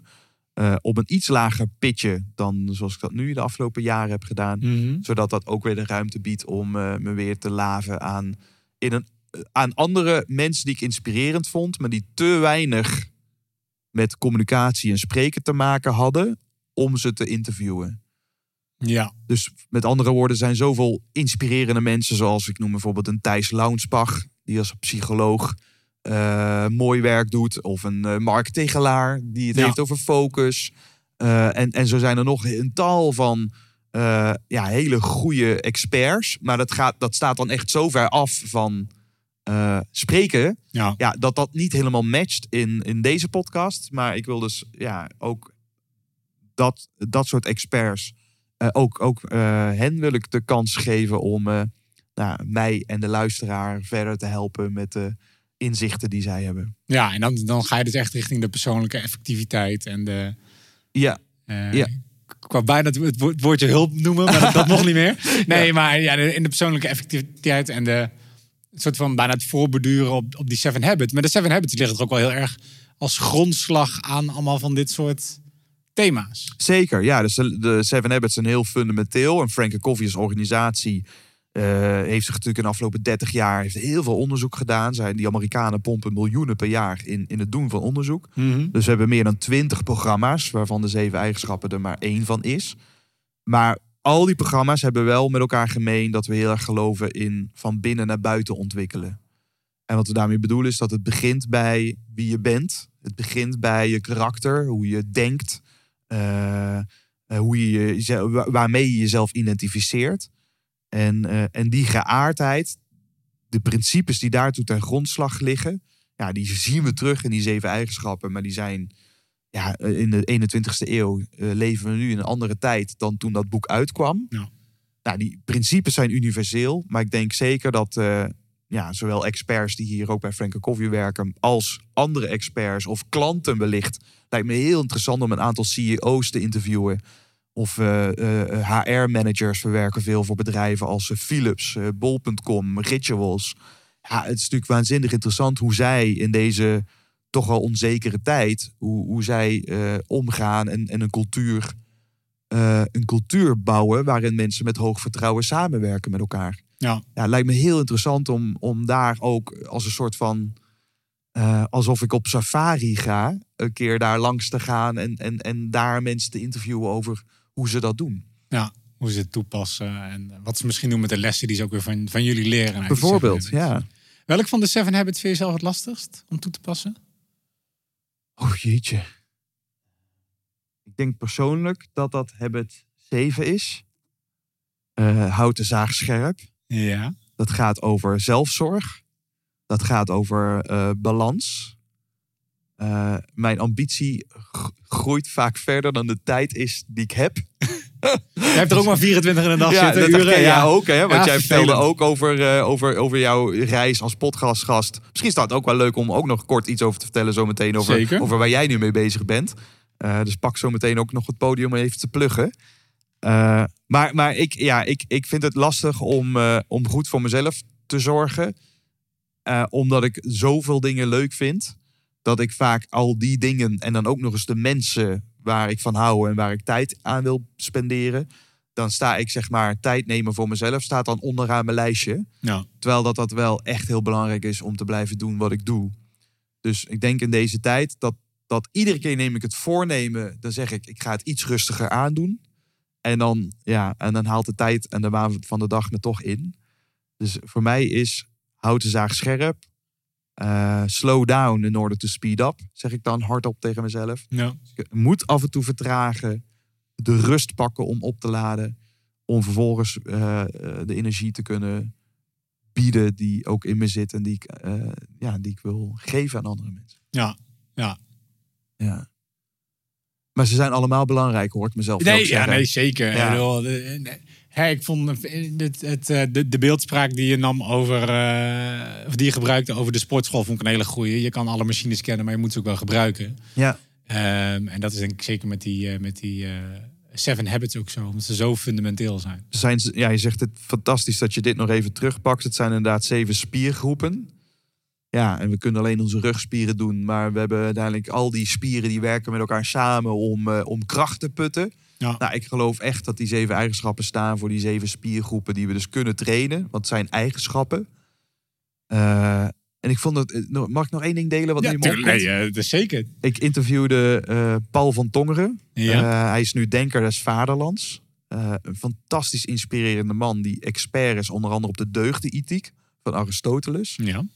En hij zei, gelukkig leven heeft te maken met lukken. En hij zegt, we zien nu geluk vaak als effect. Hoe kan ik gelukkig zijn? Alsof dat iets is wat we kunnen nastreven. Terwijl hij zegt, ik zou dat weer een werkwoord willen maken. Dus geluk komt van gelukt. En het heeft dus te maken met lukken. Dat heeft dus te maken met iets doen. Met tijd en energie Ja. en nijverheid stoppen. En dat vind ik zo gaaf in die eigenschappen. Eigenschappen zijn dingen die misschien in het begin heel ingewikkeld zijn. Maar doordat we die dag dagelijks trainen, wordt het een gewoonte. Waardoor ook hele moeilijke dingen ineens heel moeiteloos worden. Nou, ik vind dat zo fantastisch inspirerend dat ik daar dus dagdagelijks mee bezig mag zijn. Door daar als trainer over te spreken, Mhm. moet ik mezelf iedere dag opnieuw een spiegel voorhouden. En zeggen, joh Glenn, hoe doe je dit zelf? Ja. En, ja, en alleen daarover, daarom is, is, vind ik het werk voor mij persoonlijk goud waard. Omdat me dat iedere dag weer eh, ja, manupu helpt om, eh, om die spieren te blijven trainen. Ja, ik wil zeggen, en hoe hem lukt dat? Ze zeggen wel eens, de schoenmaker loopt zelf op de slechtste schoenen. Of bij de loodgieter lekker thuis te Ja. gaan ook. Ja, Ehm, in een van jouw podcasts noemde jij dat eh Stephen Covey wel eens gevraagd was om een cijfer te geven over hoe goed hij zelf was met zijn Seven Habits. Ik weet niet of je weet welk antwoord hij gaf. ja hij zei eh, zes en zeven. Ja, ik zei, en welk cijfer zou je jezelf geven? Ja, dan niet hoger dan... Nee, we eh, zeggen 9, 9,5. 9,5 op zondag. Eat your heart out, koffie. nee, nee, ja, ik denk dat dat, eh, dat, ja, dat ik, dat, ik dat, dat zes komt misschien wel in de buurt. En Wat, en dan denken mensen, oeh, maar dat klinkt dan negatief. Ja, Maar ik denk dat, dat het besef dat ontwikkeling een continuum is. Dat vind ik ook zo mooi in dat model. Het is een rond model. Terwijl ik vroeger dacht dat ontwikkeling ging in stapjes. ja 1, 2, 3. Een soort trapje, Ja. weet je wel? Van, oh, ik lees een boek, level up. Ja. Ik doe een opleiding, blablabla, level up. Ja. Ja, ik ben van de NES-generatie, weet je wel. Speelde Mario vroeger. Ja. Voor een level. Maar ontwikkeling is een, is een continuum. Het is, het is net als een tuin. Ik kan een fantastische tuin hebben, maar als ik dat een jaar verwaarloos, dan blijft er gewoon niks van over. Dan komt Ja. er uiteindelijk onkruid, schiet er onkruid op. Dan, een tuin heeft constant de juiste balans tussen aandacht, water, zon. Eh, het is een, een combinatie van facetten die je, die je nodig hebt om een tuin eh, tot bloei te laten komen. Ja.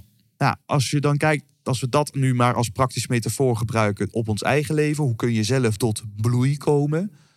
Ja, dat is dus niet iets wat we kunnen uitspelen. Het is niet dat ik op een gegeven moment zeg, check, zo, eh, het persoonlijke effectiviteit, nu ben ik er. ja. Met het lijf is het wederom niets anders. Ik kan niet zeggen, oh, ik heb de sportschool uitgespeeld. Was het maar zo'n feest. ik ga nu nooit meer, want ik ben er nu wel. Ja. Ja, vanaf het moment dat je dat denkt, dan is de glijende schaal naar beneden. Ja. Dus het is een utopie om die zeven eigenschappen een, eh, uit te spelen. Dat is het doel ook niet. Nee. De zeven eigenschappen is een model wat je bewust maakt dat op het moment dat je tegen een muur aanloopt, op het moment dat je ineens denkt, oh deze relatie loopt niet meer soepel, Op het moment dat je de resultaten in je werk ineens naar beneden ziet gaan. Op het moment dat er een verandering ontstaat in deze wereld. Fuck, corona komt ineens voorbij. Dan zijn die zeven eigenschappen een uitnodiging om op te reflecteren. Ja. En te denken, fuck, die corona en ineens lockdown, ineens zit je thuis. En je voelt gewoon de reactiviteit omhoog komen. En ook ik was gewoon boos en verdrietig en angstig en alles door elkaar heen. Maar dan zijn die zeven eigenschappen zijn een manier om dan te denken, hey, wat kan ik wel veranderen en wat kan ik niet veranderen? Ja. Nou, verander wat je niet kunt accepteren en accepteer wat je niet kunt veranderen. Oké. Kan corona veranderen? Nee. Kan ik die lockdown veranderen? Nee. Oké, nou dan is dat heel. Wel, het doet van alles met me, maar ik heb het te accepteren. Pas als ik dat accepteer, ontstaat er ruimte om te kijken wat kan ik wel. Ja. En dan stap twee, ik begin met het einde gedachte. Hé, maar wat zou ik dan nu kunnen doen? Er zijn allerlei wegen die naar Rome leiden. Ik kan stoppen met mijn werk, dat ik iets anders doe. Ik kan een training gaan doen over hoe ik online moet trainen, want dat deed ik daarvoor ook bijna nooit. Ja. Eh, eh, kies maar een kant. Eh, stap drie, eh, begin met de belangrijke zaken eerst. Dus, dus wat is nou een eerste kleine stapje wat ik deze week kan doen om een stapje dichterbij te komen? En denk niet na over de wereld volgend jaar of over een maand eruit ziet. Doe gewoon iedere week één stapje en je komt vanzelf dichterbij. Ja. Nou, et cetera, et cetera. En zo bouwen die zeven eigenschappen zo prachtig pragmatisch eh, op. Dat uitdagingen in het leven krijgen we vanzelf. Komt vanzelf shit op je af. Nou ja, en, en het is gewoon eh, wachten totdat die shit er is. En dan eh, is dit voor mij nog steeds een hele mooie kaart. Om mezelf, eh, om de weg te vinden. Ja. Ja, het is wel echt wat je nu noemt, echt wat ze hè, ook de growth mindset noemen. Je, bent, en je moet verliefd worden op het, het hele proces en niet verliefd worden op je einddoel. Want je hebt niet echt een, een einddoel, het is nooit klaar. Nee. Je moet verliefd worden op. Hè, als, je, als je naar de sportschool gaat, je moet niet verliefd worden op het lijf wat je uiteindelijk hebt. Je moet verliefd worden op het feit dat jij iedere keer op die machine zit en je helemaal kapot bent. Ja. En, en dat moet je leuk gaan vinden. Of althans, als het je lukt om dat leuk te gaan vinden, Ja, dan wordt het moeiteloos. dan toch? wordt het moeite. En dan ga je het doen. En dan krijg je die resultaten waar eerst jouw liefde van uitging. Die, die krijg je vanzelf. Maar je Ja. moet er wel naartoe werken. En dan is het natuurlijk de eerlijkheid gebied me te zeggen dat ik dus in de sportschool die moeiteloosheid niet heb eh, gevonden. Woeps, ik probeer het wel, maar het, dat, dat blijft toch wel, eh, dat kost toch een hoop moeite, omdat ik dat proces dus eigenlijk niet heel tof vind. Ja. In tegenstelling tot die mentale spier. Daar ben ik gewoon, dat, dat vind ik zo gaaf. Ja. Ik vind het zo ontzettend gaaf om dan iemand iets te horen zeggen wat ik inspirerend vind, wat, wat me verrijkt, wat maakt dat ik ineens iets doorzie of eh, begrijp. Mhm. Ja, dus, dus, dus eh, ik hoop dat over een aantal jaar ik die fysieke eh, spieren net zo moeiteloos eh, in beweging houd dan, dan mijn mentale De spier. mentale spieren. De, dus ook hierin zie je weer de balans tussen al die facetten. Mijn lijf, mijn, mentale spier, mijn hartspier. Hè, de, de verbinding die ik voel met andere mensen. Ook dit is weer een combinatie van balanceren tussen al die verschillende delen. En dat vind ik, dat vind ik gaaf om, Ja. om daarmee bezig te zijn. En dat hoop ik te doen tot, eh, tot mijn laatste adem. Ja. Ik vind, ik vind het heel gaaf om te zien hoe, eh, hoe bevlogen je hierin bent. En dat is eh, een van de dingen waar ik enthousiast van word, is mensen die ergens enthousiast van zijn. En dat klinkt misschien altijd een beetje flauw, maar dat is, dat is echt zoals iemand ergens van gaat kwispelen. Dat, dat kan alles zijn. Of dat nou gaat om de, nou ja, leiderschap of om spreken, of dat het gaat om ehm, Dungeons and Dragons. Of iemand die blij is met model. Speel je dat, Dungeons and Dragons? Absoluut niet. Nee. nee. dat is Nee, een praktisch In mijn, in mijn voorbeeldje. hele, ja, dat was het eerste wat me te binnen schoot. Ehm, eh, en wat denk ik voor veel mensen een soort van, van eh, of een soort van ver van je bed show is, of je bent er helemaal into en dit is jouw leven en je lust. Ja, Ehm, en daarom vond ik het wel een goed voorbeeld, omdat iedereen het uiteindelijk wel kent. ja. Je kan ook zeggen Warhammer, dat is ook zoiets, weet je maar dat niet iedereen weet waar je het over hebt. Magic the Gathering. Magic, zo'n dingetje. Dat heb ik ooit heel lang geleden een keer wel gespeeld. Ehm, en eh, dat vind ik heel gaaf. En ik ben eh, zelf altijd gezegend met een, eh, een tomeloos enthousiasme en interesse. Al is het maar voor vijf minuten. Ergens in. Ehm, eh, want als kleine ADD'er vind ik alles, alles interessant. Alleen sommige dingen blijven wat langer bij je dan andere. Ja. En, en dat was voor mij een reden om deze podcast, of mijn podcastserie te beginnen. Ik had al heel lang een podcast over Formule 1. Nou, dat is een van de dingen die ik al heel lang heel interessant vind. Pole position, toch? De Pole Position podcast, ja, ja die eh, inmiddels nog met een soort van eh, hiatus is, omdat ik de afgelopen drie maanden lang eh, heb rondgereisd met een camper en mijn vriendin door, door Italië heen. Ehm, en toen dacht ik, nou ja, weet je, ik vind het zo interessant om met mensen te praten die dingen interessant vinden. Dat ga ik doen. Ik, en, en eh, ondertussen is mijn doel als de podcastgast om en beter te worden in podcast en vooral beter te worden in het maken van die verbinding. In connectie maken met mensen. En eigenlijk heel egoïstisch. Waarom? Omdat ik dat beter wil kunnen in mijn leven. En mensen die je tegenkomt, waar je mee gesprek, in gesprek raakt. Of dat nou iemand is die je, weet ik veel, bij, eh, bij de supermarkt spreekt... omdat hij achter je in de rij staat. Of iemand eh, op een familiebijeenkomst. Ik vind het gewoon leuk. Ik, Ja. ja. je, dat vinden waar iemand eh, geïnteresseerd in is... dat wekt bij mij al de interesse op. Mooi. En dan ben ik wel benieuwd, Matthijs. Wat zijn in de, alle gesprekken die je hebt gevoerd, wat zijn tips die jij in, over, die, over communicatie hebt eh, ontdekt? Zo. ehm, om te beginnen denk ik dat e- eigenlijk wat- wat veel mensen tegenhoudt in het stellen van vragen ergens over, is dat je niet eh, dom wil lijken. En dat je dat eigenlijk aan de kant moet zetten. Geen vraag is eh, te dom. En, en of de domme vragen bestaan niet. Uh, hooguit misplaatste vragen. En ehm, iedereen vindt het leuk om, om te praten over dat waar zij over willen praten. Ja. En dan maakt het niet uit. Ja. Ik bedoel, het is leuk als ik hier kom met jou. En ik hoor dat jij die Seven Habits doet. En ik weet er het een en ander over. En we gaan lekker de diepte in. En je gaat het hebben over die Seven Habits. Ik kan ook beginnen met Stephen Covey is wie precies? Ondanks dat iedereen om je heen die daar staat... weet wie, wie, wie die is en weet wat hij gedaan heeft. Ja, wees daar niet bang om te laten zien dat jij geen idee hebt. En begin bij het begin in een gesprek. En misschien wel juist, wat ik mooi vind wat je zegt, is ook al zou je het wel weten, ben dan nog steeds nieuwsgierig. Ja, Wat ik je heel duidelijk hoor zeggen is, doe je interessant of ben je geïnteresseerd? ja. Nou, dat is een hele mooie. En die laatste, dat, dat, dat is vaak heel helpend als bedding voor een goed gesprek. Ja, ja zeker. Ja, geïnteresseerd zijn is ook hè, dat, is dat wat mensen het meest onthouden aan je, aan, je, aan je contact met iemand. Ja. Of iemand geïnteresseerd was is niet, of niet. En dat is.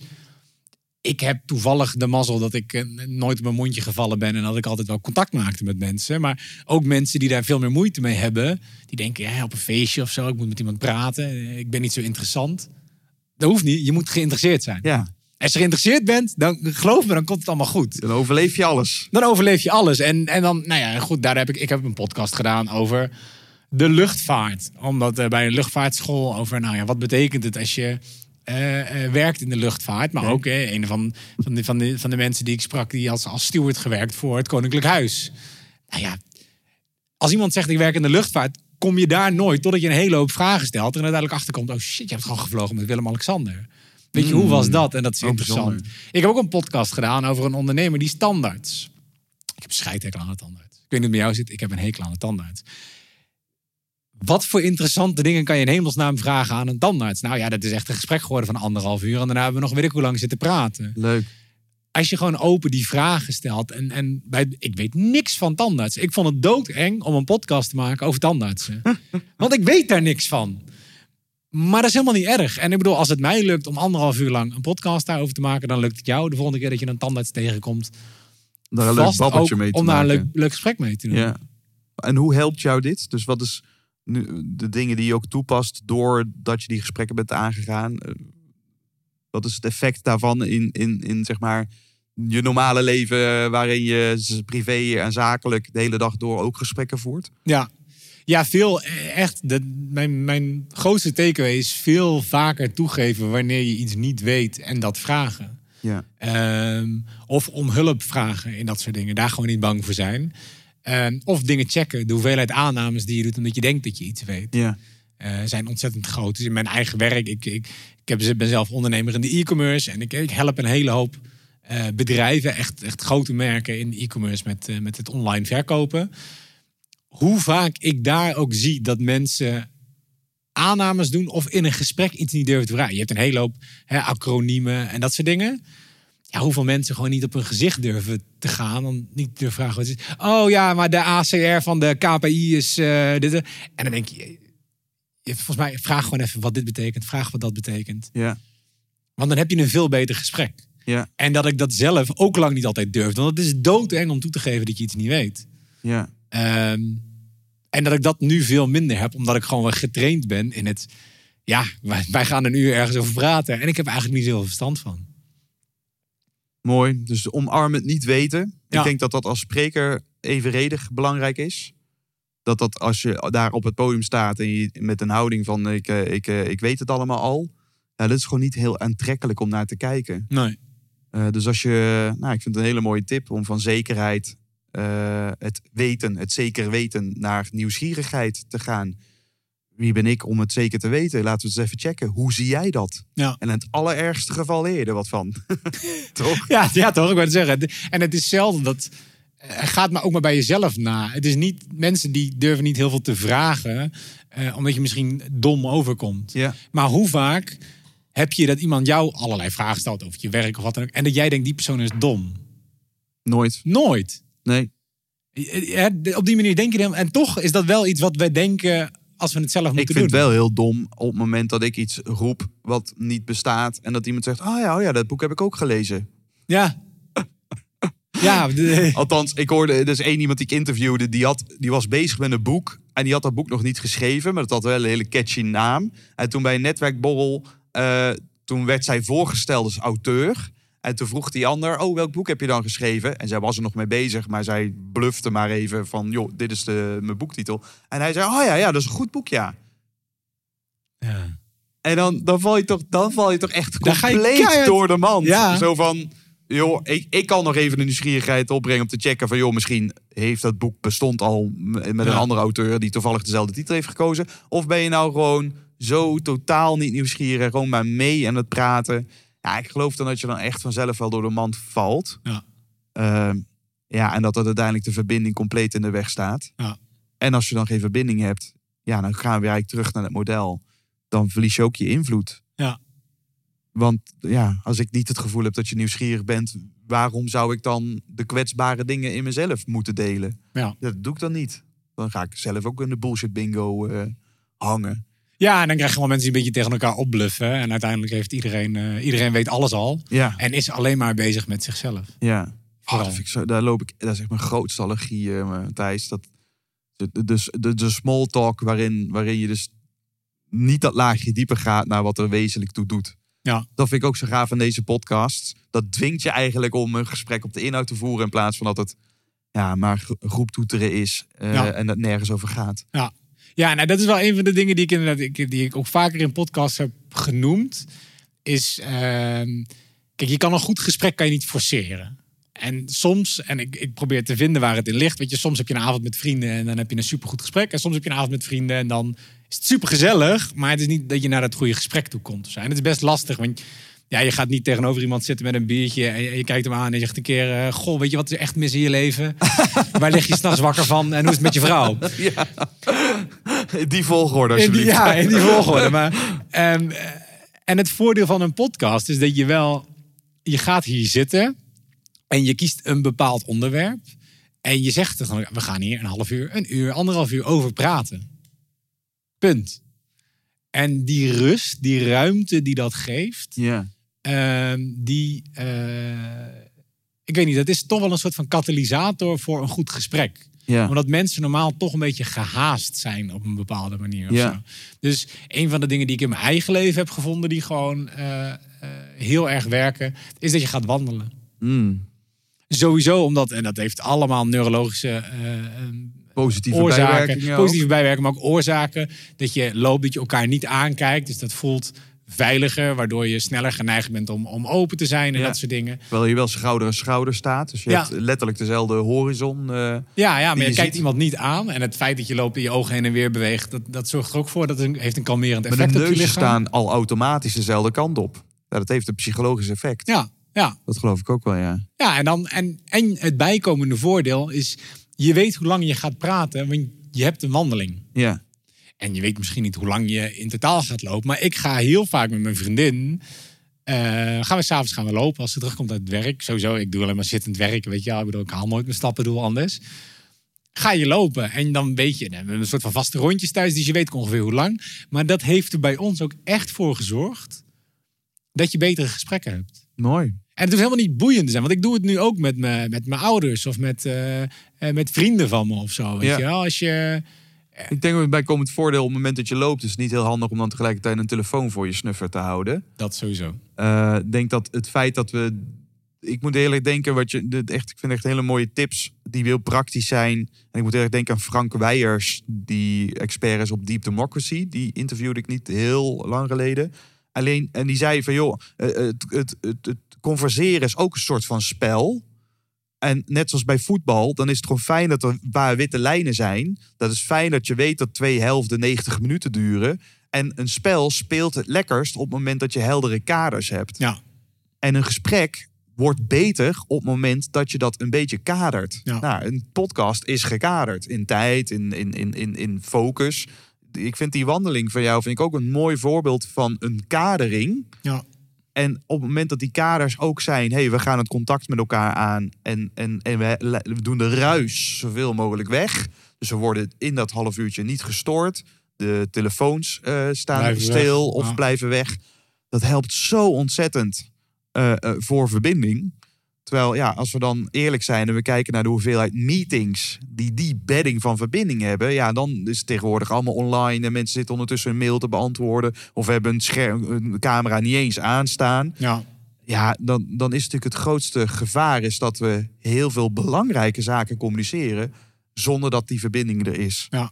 En dan, is het, en dan is het resultaat vaak eh, nul of, Ja. of heel weinig, heel Ja. karig. Ja, Ja. dat vind ik wel een mooi streven die jij ook hebt om, om, om daar eh, ook iets aan te doen. Ja, en ik denk eigenlijk dat daar alleen maar meer en meer soort van vraag en noodzaak voor is. Of vraag naar komt voor mensen in hun, hun privéleven. Je zei eh, ooit in een, eh, in een podcast, eh, want zover heb ik jou geresearched. oh Ehm, jee, wat heb ik gezegd? Nee, dat, ja, nou, dat ehm, eh, ehm, ouders die eh, moeite hadden in de communicatie met hun kind van school of van een leraar een tip kregen, begin anders een appgesprek met je kind. Terwijl ik hoor dat en ik vind dat het domste idee ooit. Ja, Nou, niet ooit, maar wel veel. Ja. Ik bedoel, en aan de ene kant, ik snap heel erg waar dit natuurlijk vandaan komt.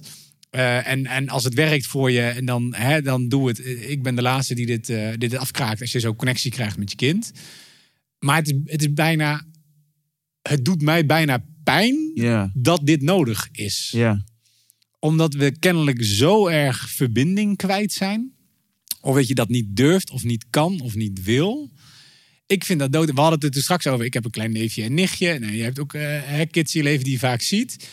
Ehm, ze zijn altijd, als ik daar aankom, zijn ze, zijn ze eh, super enthousiast en blij. Ze vinden het helemaal leuk dat een oom er is. En je gaat met ze spelen, je hebt contact met ze.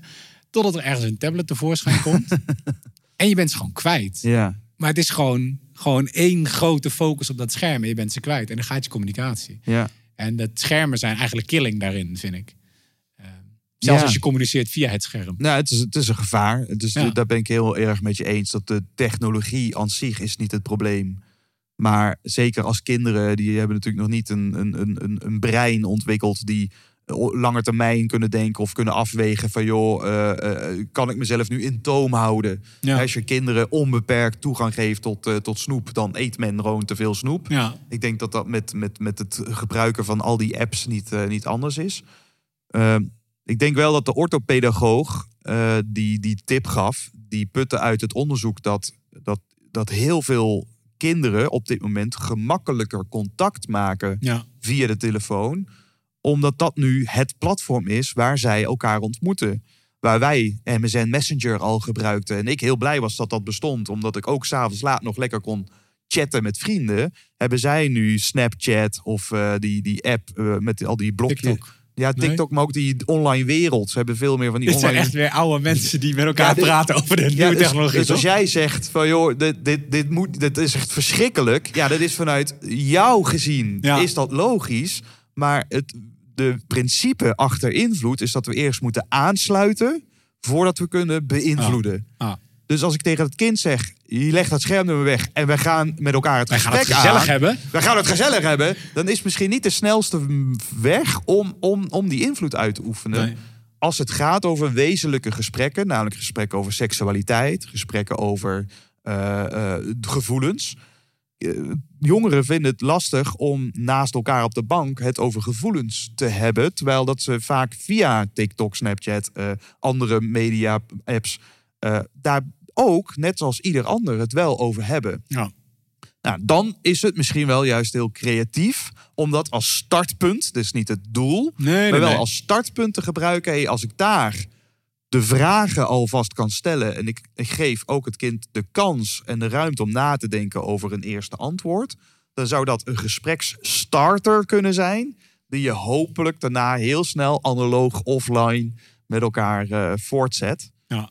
Ehm, nou ja, en, en die snap ik wel. Nee, ik vind de, de nuance die je erin aanbrengt is, eh, is heel goed. En het helpt mij weer om na te denken over hey, hoe de wereld er over twintig jaar uitziet. Ik heb geen idee. Nee. En dat de behoeftes die ik heb als hashtag millennial misschien weer anders zijn dan de behoeftes die de huidige generatie afstuderenden zullen hebben. En als ik nu mensen aanneem die net afgestudeerd zijn en ik ga ervan uit dat zij dezelfde behoeftes hebben als ik, ja, dan loop ik eh, het grote gevaar dat ik het echt aan het, eh, dat ik aan de kortste eind trek. Ja. Dus dit is onze uitnodiging om die nieuwsgierigheid in de praktijk toe te passen. En dus in plaats van onze eigen behoeftes te projecteren, is te checken bij die kids. Joh, wat is voor jou belangrijk? Eh, wat is voor jou een vorm om uiteindelijk die verbinding, die we allemaal belangrijk vinden als mens, willen allemaal gezien en gehoord worden. Wat is de vorm om dat, eh, ja, om dat tot uiting te brengen? Nou, en ik denk door die ander betrokkenheid te geven aan dat proces, ontstaat er ook vanzelf de commitment om die verbinding echt met elkaar aan te gaan. Ja. En dan, wie weet, wandel je ineens een hele mooie wandeling. Wandeling en, en ja, en, en spreek je elkaar. Ook met die kids. Ja. Eh, maar is de vraag, hoe komen we daar? Nee, ja, zeker. Kijk, het is, eh, eh, het is. Het is ook wat je gewend bent en ook waar je mee bent, mee bent opgevoed. En als je op het punt bent dat de, de communicatie het best verloopt via WhatsApp, dan kan ik me voorstellen dat dat een hele goede, een heel goed beginpunt is. Exact, ja, Ehm, een beginpunt. ja.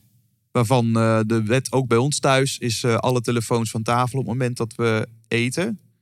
Eh, dus ontbijt, avondeten is geen telefoons aan tafel. Dat is ook niet voor een tv. Ook niet voor een tv. Nee, we eten met z'n allen aan tafel. En, en dan maak ik mezelf daar ook nog wel eens schuldig aan.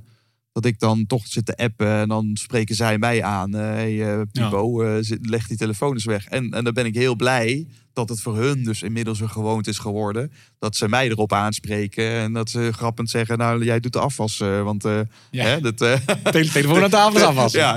Dus, Ja. Dat, dus, dat was, dus dat vind ik dan ook weer mooi. Denk ik, oh, dan zit dat er dus al zo ingesleten dat dat ook is genormaliseerd. Ja, ja. Nee, ik denk dat dat wel een hele goede is. Weet je, die momenten vinden dat je, ehm, eh, dat je echt verbinding zoekt met elkaar. Ja. En misschien is dat ook wel een goede om inderdaad beter te Het is beter om dan... Ik snap dat je ook op je telefoon wil zitten, want dat doe ik ook eh, eh, eindeloos. Of achter een ander beeldscherm. Maar in plaats van dat je de hele avond elkaar een beetje half stoort... terwijl je half een gesprek hebt en half op je telefoon zit... het misschien waardevoller is om even een half uurtje te lopen... en echt tijd voor elkaar te hebben... en elkaar dan de rest van de avond ook los te kunnen laten... en lekker op je telefoon te kunnen zitten. Ja. Weet je? Zorg dan dat, dat whatever je aan het doen bent... dat je dat doet met je volledige aandacht. Ja, mooi. En dat is zeker voor het, eh, het gesprek en, en het stukje communicatie en verbinding is dat denk ik heel belangrijk. 100 procent. 100 procent. Dit is super belangrijk. En dan zijn het die spelregels weer. Die spelregels kunnen we met elkaar creëren. Jij gaat na het eten even een half uurtje wandelen met elkaar. Dus super fijn en goed om te doen. Sommigen zeggen we doen na tien uur geen schermtijd meer. En we hebben gewoon het laatste uur voor het slapen gaan. Dat spenderen we zonder schermpjes met elkaar. Anderen zeggen dat we doen het avondeten doen we gewoon zonder schermpjes bij elkaar. Wat voor kader je ook kiest. Maar kies een kader Kies waarin die verbinding eh, mogelijk wordt. Eh, zet daarvoor de spelregels op een rij, dat voor iedereen helder is. En het klinkt in eerste instantie kinderachtig, maar dat is in deze digitale tijd denk ik wel essentieel dat we zoiets doen. Ja. Om de ruimte te houden om inderdaad met aandacht, dat is denk ik ook het sleutelwoord, bij elkaar te zijn. Ik vind dat Tibor dat heel mooi zegt. Hij zegt het tegenovergestelde van liefde is niet haat, maar dat is gelatenheid. Dus die constante gelatenheid, dat je dus met een groepje mensen waarvan je houdt bij elkaar zit, maar dat je wel allemaal een telefoon hebt en iemand anders aan de tekst eh, bent die op dat moment niet aanwezig is. Ja, die belangrijker is dan de mensen die er zitten. Waarom, Ja. waarom ben je dan bij elkaar? Ja. Eh, of dat eh, je vrouw terugkomt van het, van het werken, jij werkt thuis en, en, en dat je dan, weet je, als ze opkijkt en dan. En dan weer terug eh, het werk in. Nee, als, ook al is het maar een paar minuten. Maar doe die laptop dicht. Loop naar haar of hem toe. Geef hem een knuffel. Ja. Ben, ook al is het maar twee minuten met 100% aandacht bij die ander. En dan ga je daarna weer Je zegt daarna, ik moet even werken. Ja, ik ga er even Over een uurtje ben ik er. Ja, dan ja. Maar ik denk dat aandacht hier eh, een mooie sleutelwoord is die je zojuist eh terecht aanstipte. Ja, aandacht. En die kaders, dat, dat werkt heel goed. En een laatste tip, sorry, dan, eh, dan, dan hou ik echt op. Ehm, maar dat is meer omdat het mij ontzettend geholpen Ja. heeft. En die komt van Elke Wis. Ah, Heb- ja. Die heb je ook ooit in je Zeker. podcast ja. gehad. Een, daar ben ik al jaloers op. Want zij heeft dus geen eigen podcast. Dus ik kan haar niet strikken voor, voor haar podcast. Ehm nee, ja, Elke Wis, eh, schrijfster van het boek Socrates op sneakers. Yes. En ze filosofeerde nog lang en gelukkig. Eh, ja, twee, als het goed is. klopt. Ehm, en wat zij in Socrates op Sneakers eh, zegt, en ik heb dat boek echt al eh, onwijs vaak gelezen, omdat het, het voor mij zo'n zo'n eye-opener was met betrekking tot, tot goede gesprekken. Het staat echt aan de voet van, van, van mijn podcastavontuur. Oh, wat goed. Is ehm, eh, het toestemming vragen om ergens iets te, over te mogen vragen. Ah. En ik denk dat dat ook een goede is, omdat het zeker. Nou ja, de beste gesprekken heb je niet over het weer, maar de beste gesprekken heb je over de moeilijkere dingen in het leven. Eh, en dat zijn vaak de dingen waarvan we ook bang zijn om ze te vragen, omdat je iemand niet voor het hoofd wil stoten of omdat je eh, ja, gewoon niet weet welk antwoord je krijgt. Ja. Er toestemming vragen om iets te mogen vragen. Hè, iemand vertelt iets en eh, laat er zijdelings eh, eh, eh, vallen dat eh, iemand, weet ik veel, eh, eind 30, d- dat ze geen kinderen hebben. Ehm, daar dan vragen of je daar iets over mag vragen. En vervolgens daar een goed gesprek over hebben. Kan zo waardevol zijn en verbindend zijn voor Ja. mensen. En je waardeert daarmee heel erg de autonomie van die andere persoon. Waarbij je ook de, de ander de gelegenheid geeft om nee te zeggen. Ja. Wat ook helemaal prima is. Ja. Maar heel mooi. Ik denk dat het echt een fantastische tip is. Als je een ja hebt op die vraag. Dan heb je ook carte blanche om dan on, on, on, noemen we dat? Eh, eh, die nieuwsgierigheid om dan ook echt Helemaal los te nieuwsgierig, laten. Ja. nieuwsgierig te zijn en, eh, en, en, en, en die vragen te stellen. Ja.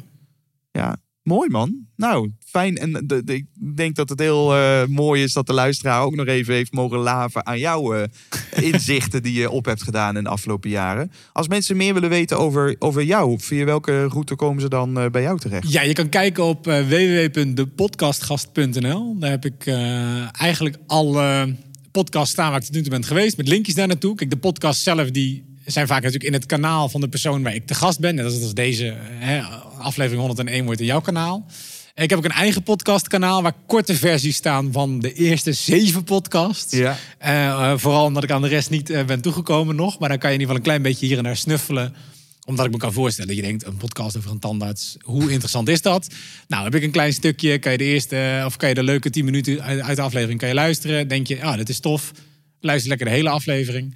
Ehm, en je vindt me ook op Instagram, waar ik totaal niet actief ben, omdat ik eh, niet zo social media savvy ben, maar waar alle afleveringen ook op staan. En dat is at thepodcastgast.nl. Mooi. Staat Ehm, genoteerd. En als dus een, een luisteraar zelf podcastmaker is, nou, dan moet hij helemaal even contact met je opnemen. Zeker. Want dan ben jij als podcastgast, ben je graag te gast in de podcast van, eh, van hen als interviewer. Ja. Eh, want ik wil je ook bovenal heel erg bedanken voor, eh, voor dit mooie gesprek. En dat je mij wilde eh, interviewen. Dat vond ik heel spannend in het begin. Weet je nog? Dat ik een beetje zenuwachtig Ja. zat te lachen. Ja. Alleen inmiddels eh, ja, voel ik me helemaal ontspannen. En eh, heb, ik, eh, heb ik echt een super tof gesprek met je gehad. Dus dank je wel daarvoor. Ja, nou ja, jij eh, heel bedankt voor de uitnodiging. En Het was eh, een eer en een genoegen om, eh, om jou hier te kunnen interviewen. Dankjewel, Clem. Hey lieve luisteraar, gefeliciteerd! Je hebt de hele aflevering afgeluisterd. Dat verdient een klein cadeautje. Ga naar www.desprekersregisseur.nl en klik dan op de knop Academy. Want daar vind je de negen beste lessen van twee jaar over spreken gesproken. Kun je je gratis voor aanmelden voor de Online Sprekers Academy, zodat ook jij leert praten met resultaten. Tot slot wil ik de gast van deze aflevering heel erg bedanken. Vond je het ook een gave aflevering? Laat het dan weten. Zet een comment of stuur een berichtje via LinkedIn. En ik zou het vooral heel erg gaaf vinden als je een review wilt achterlaten op je favoriete podcast-app, zodat deze podcast ook vindbaar is voor iedereen die korte wetten wilt maken met plankenkoorts en wilt spreken met meer impact. Bedankt voor het luisteren en tot de volgende aflevering.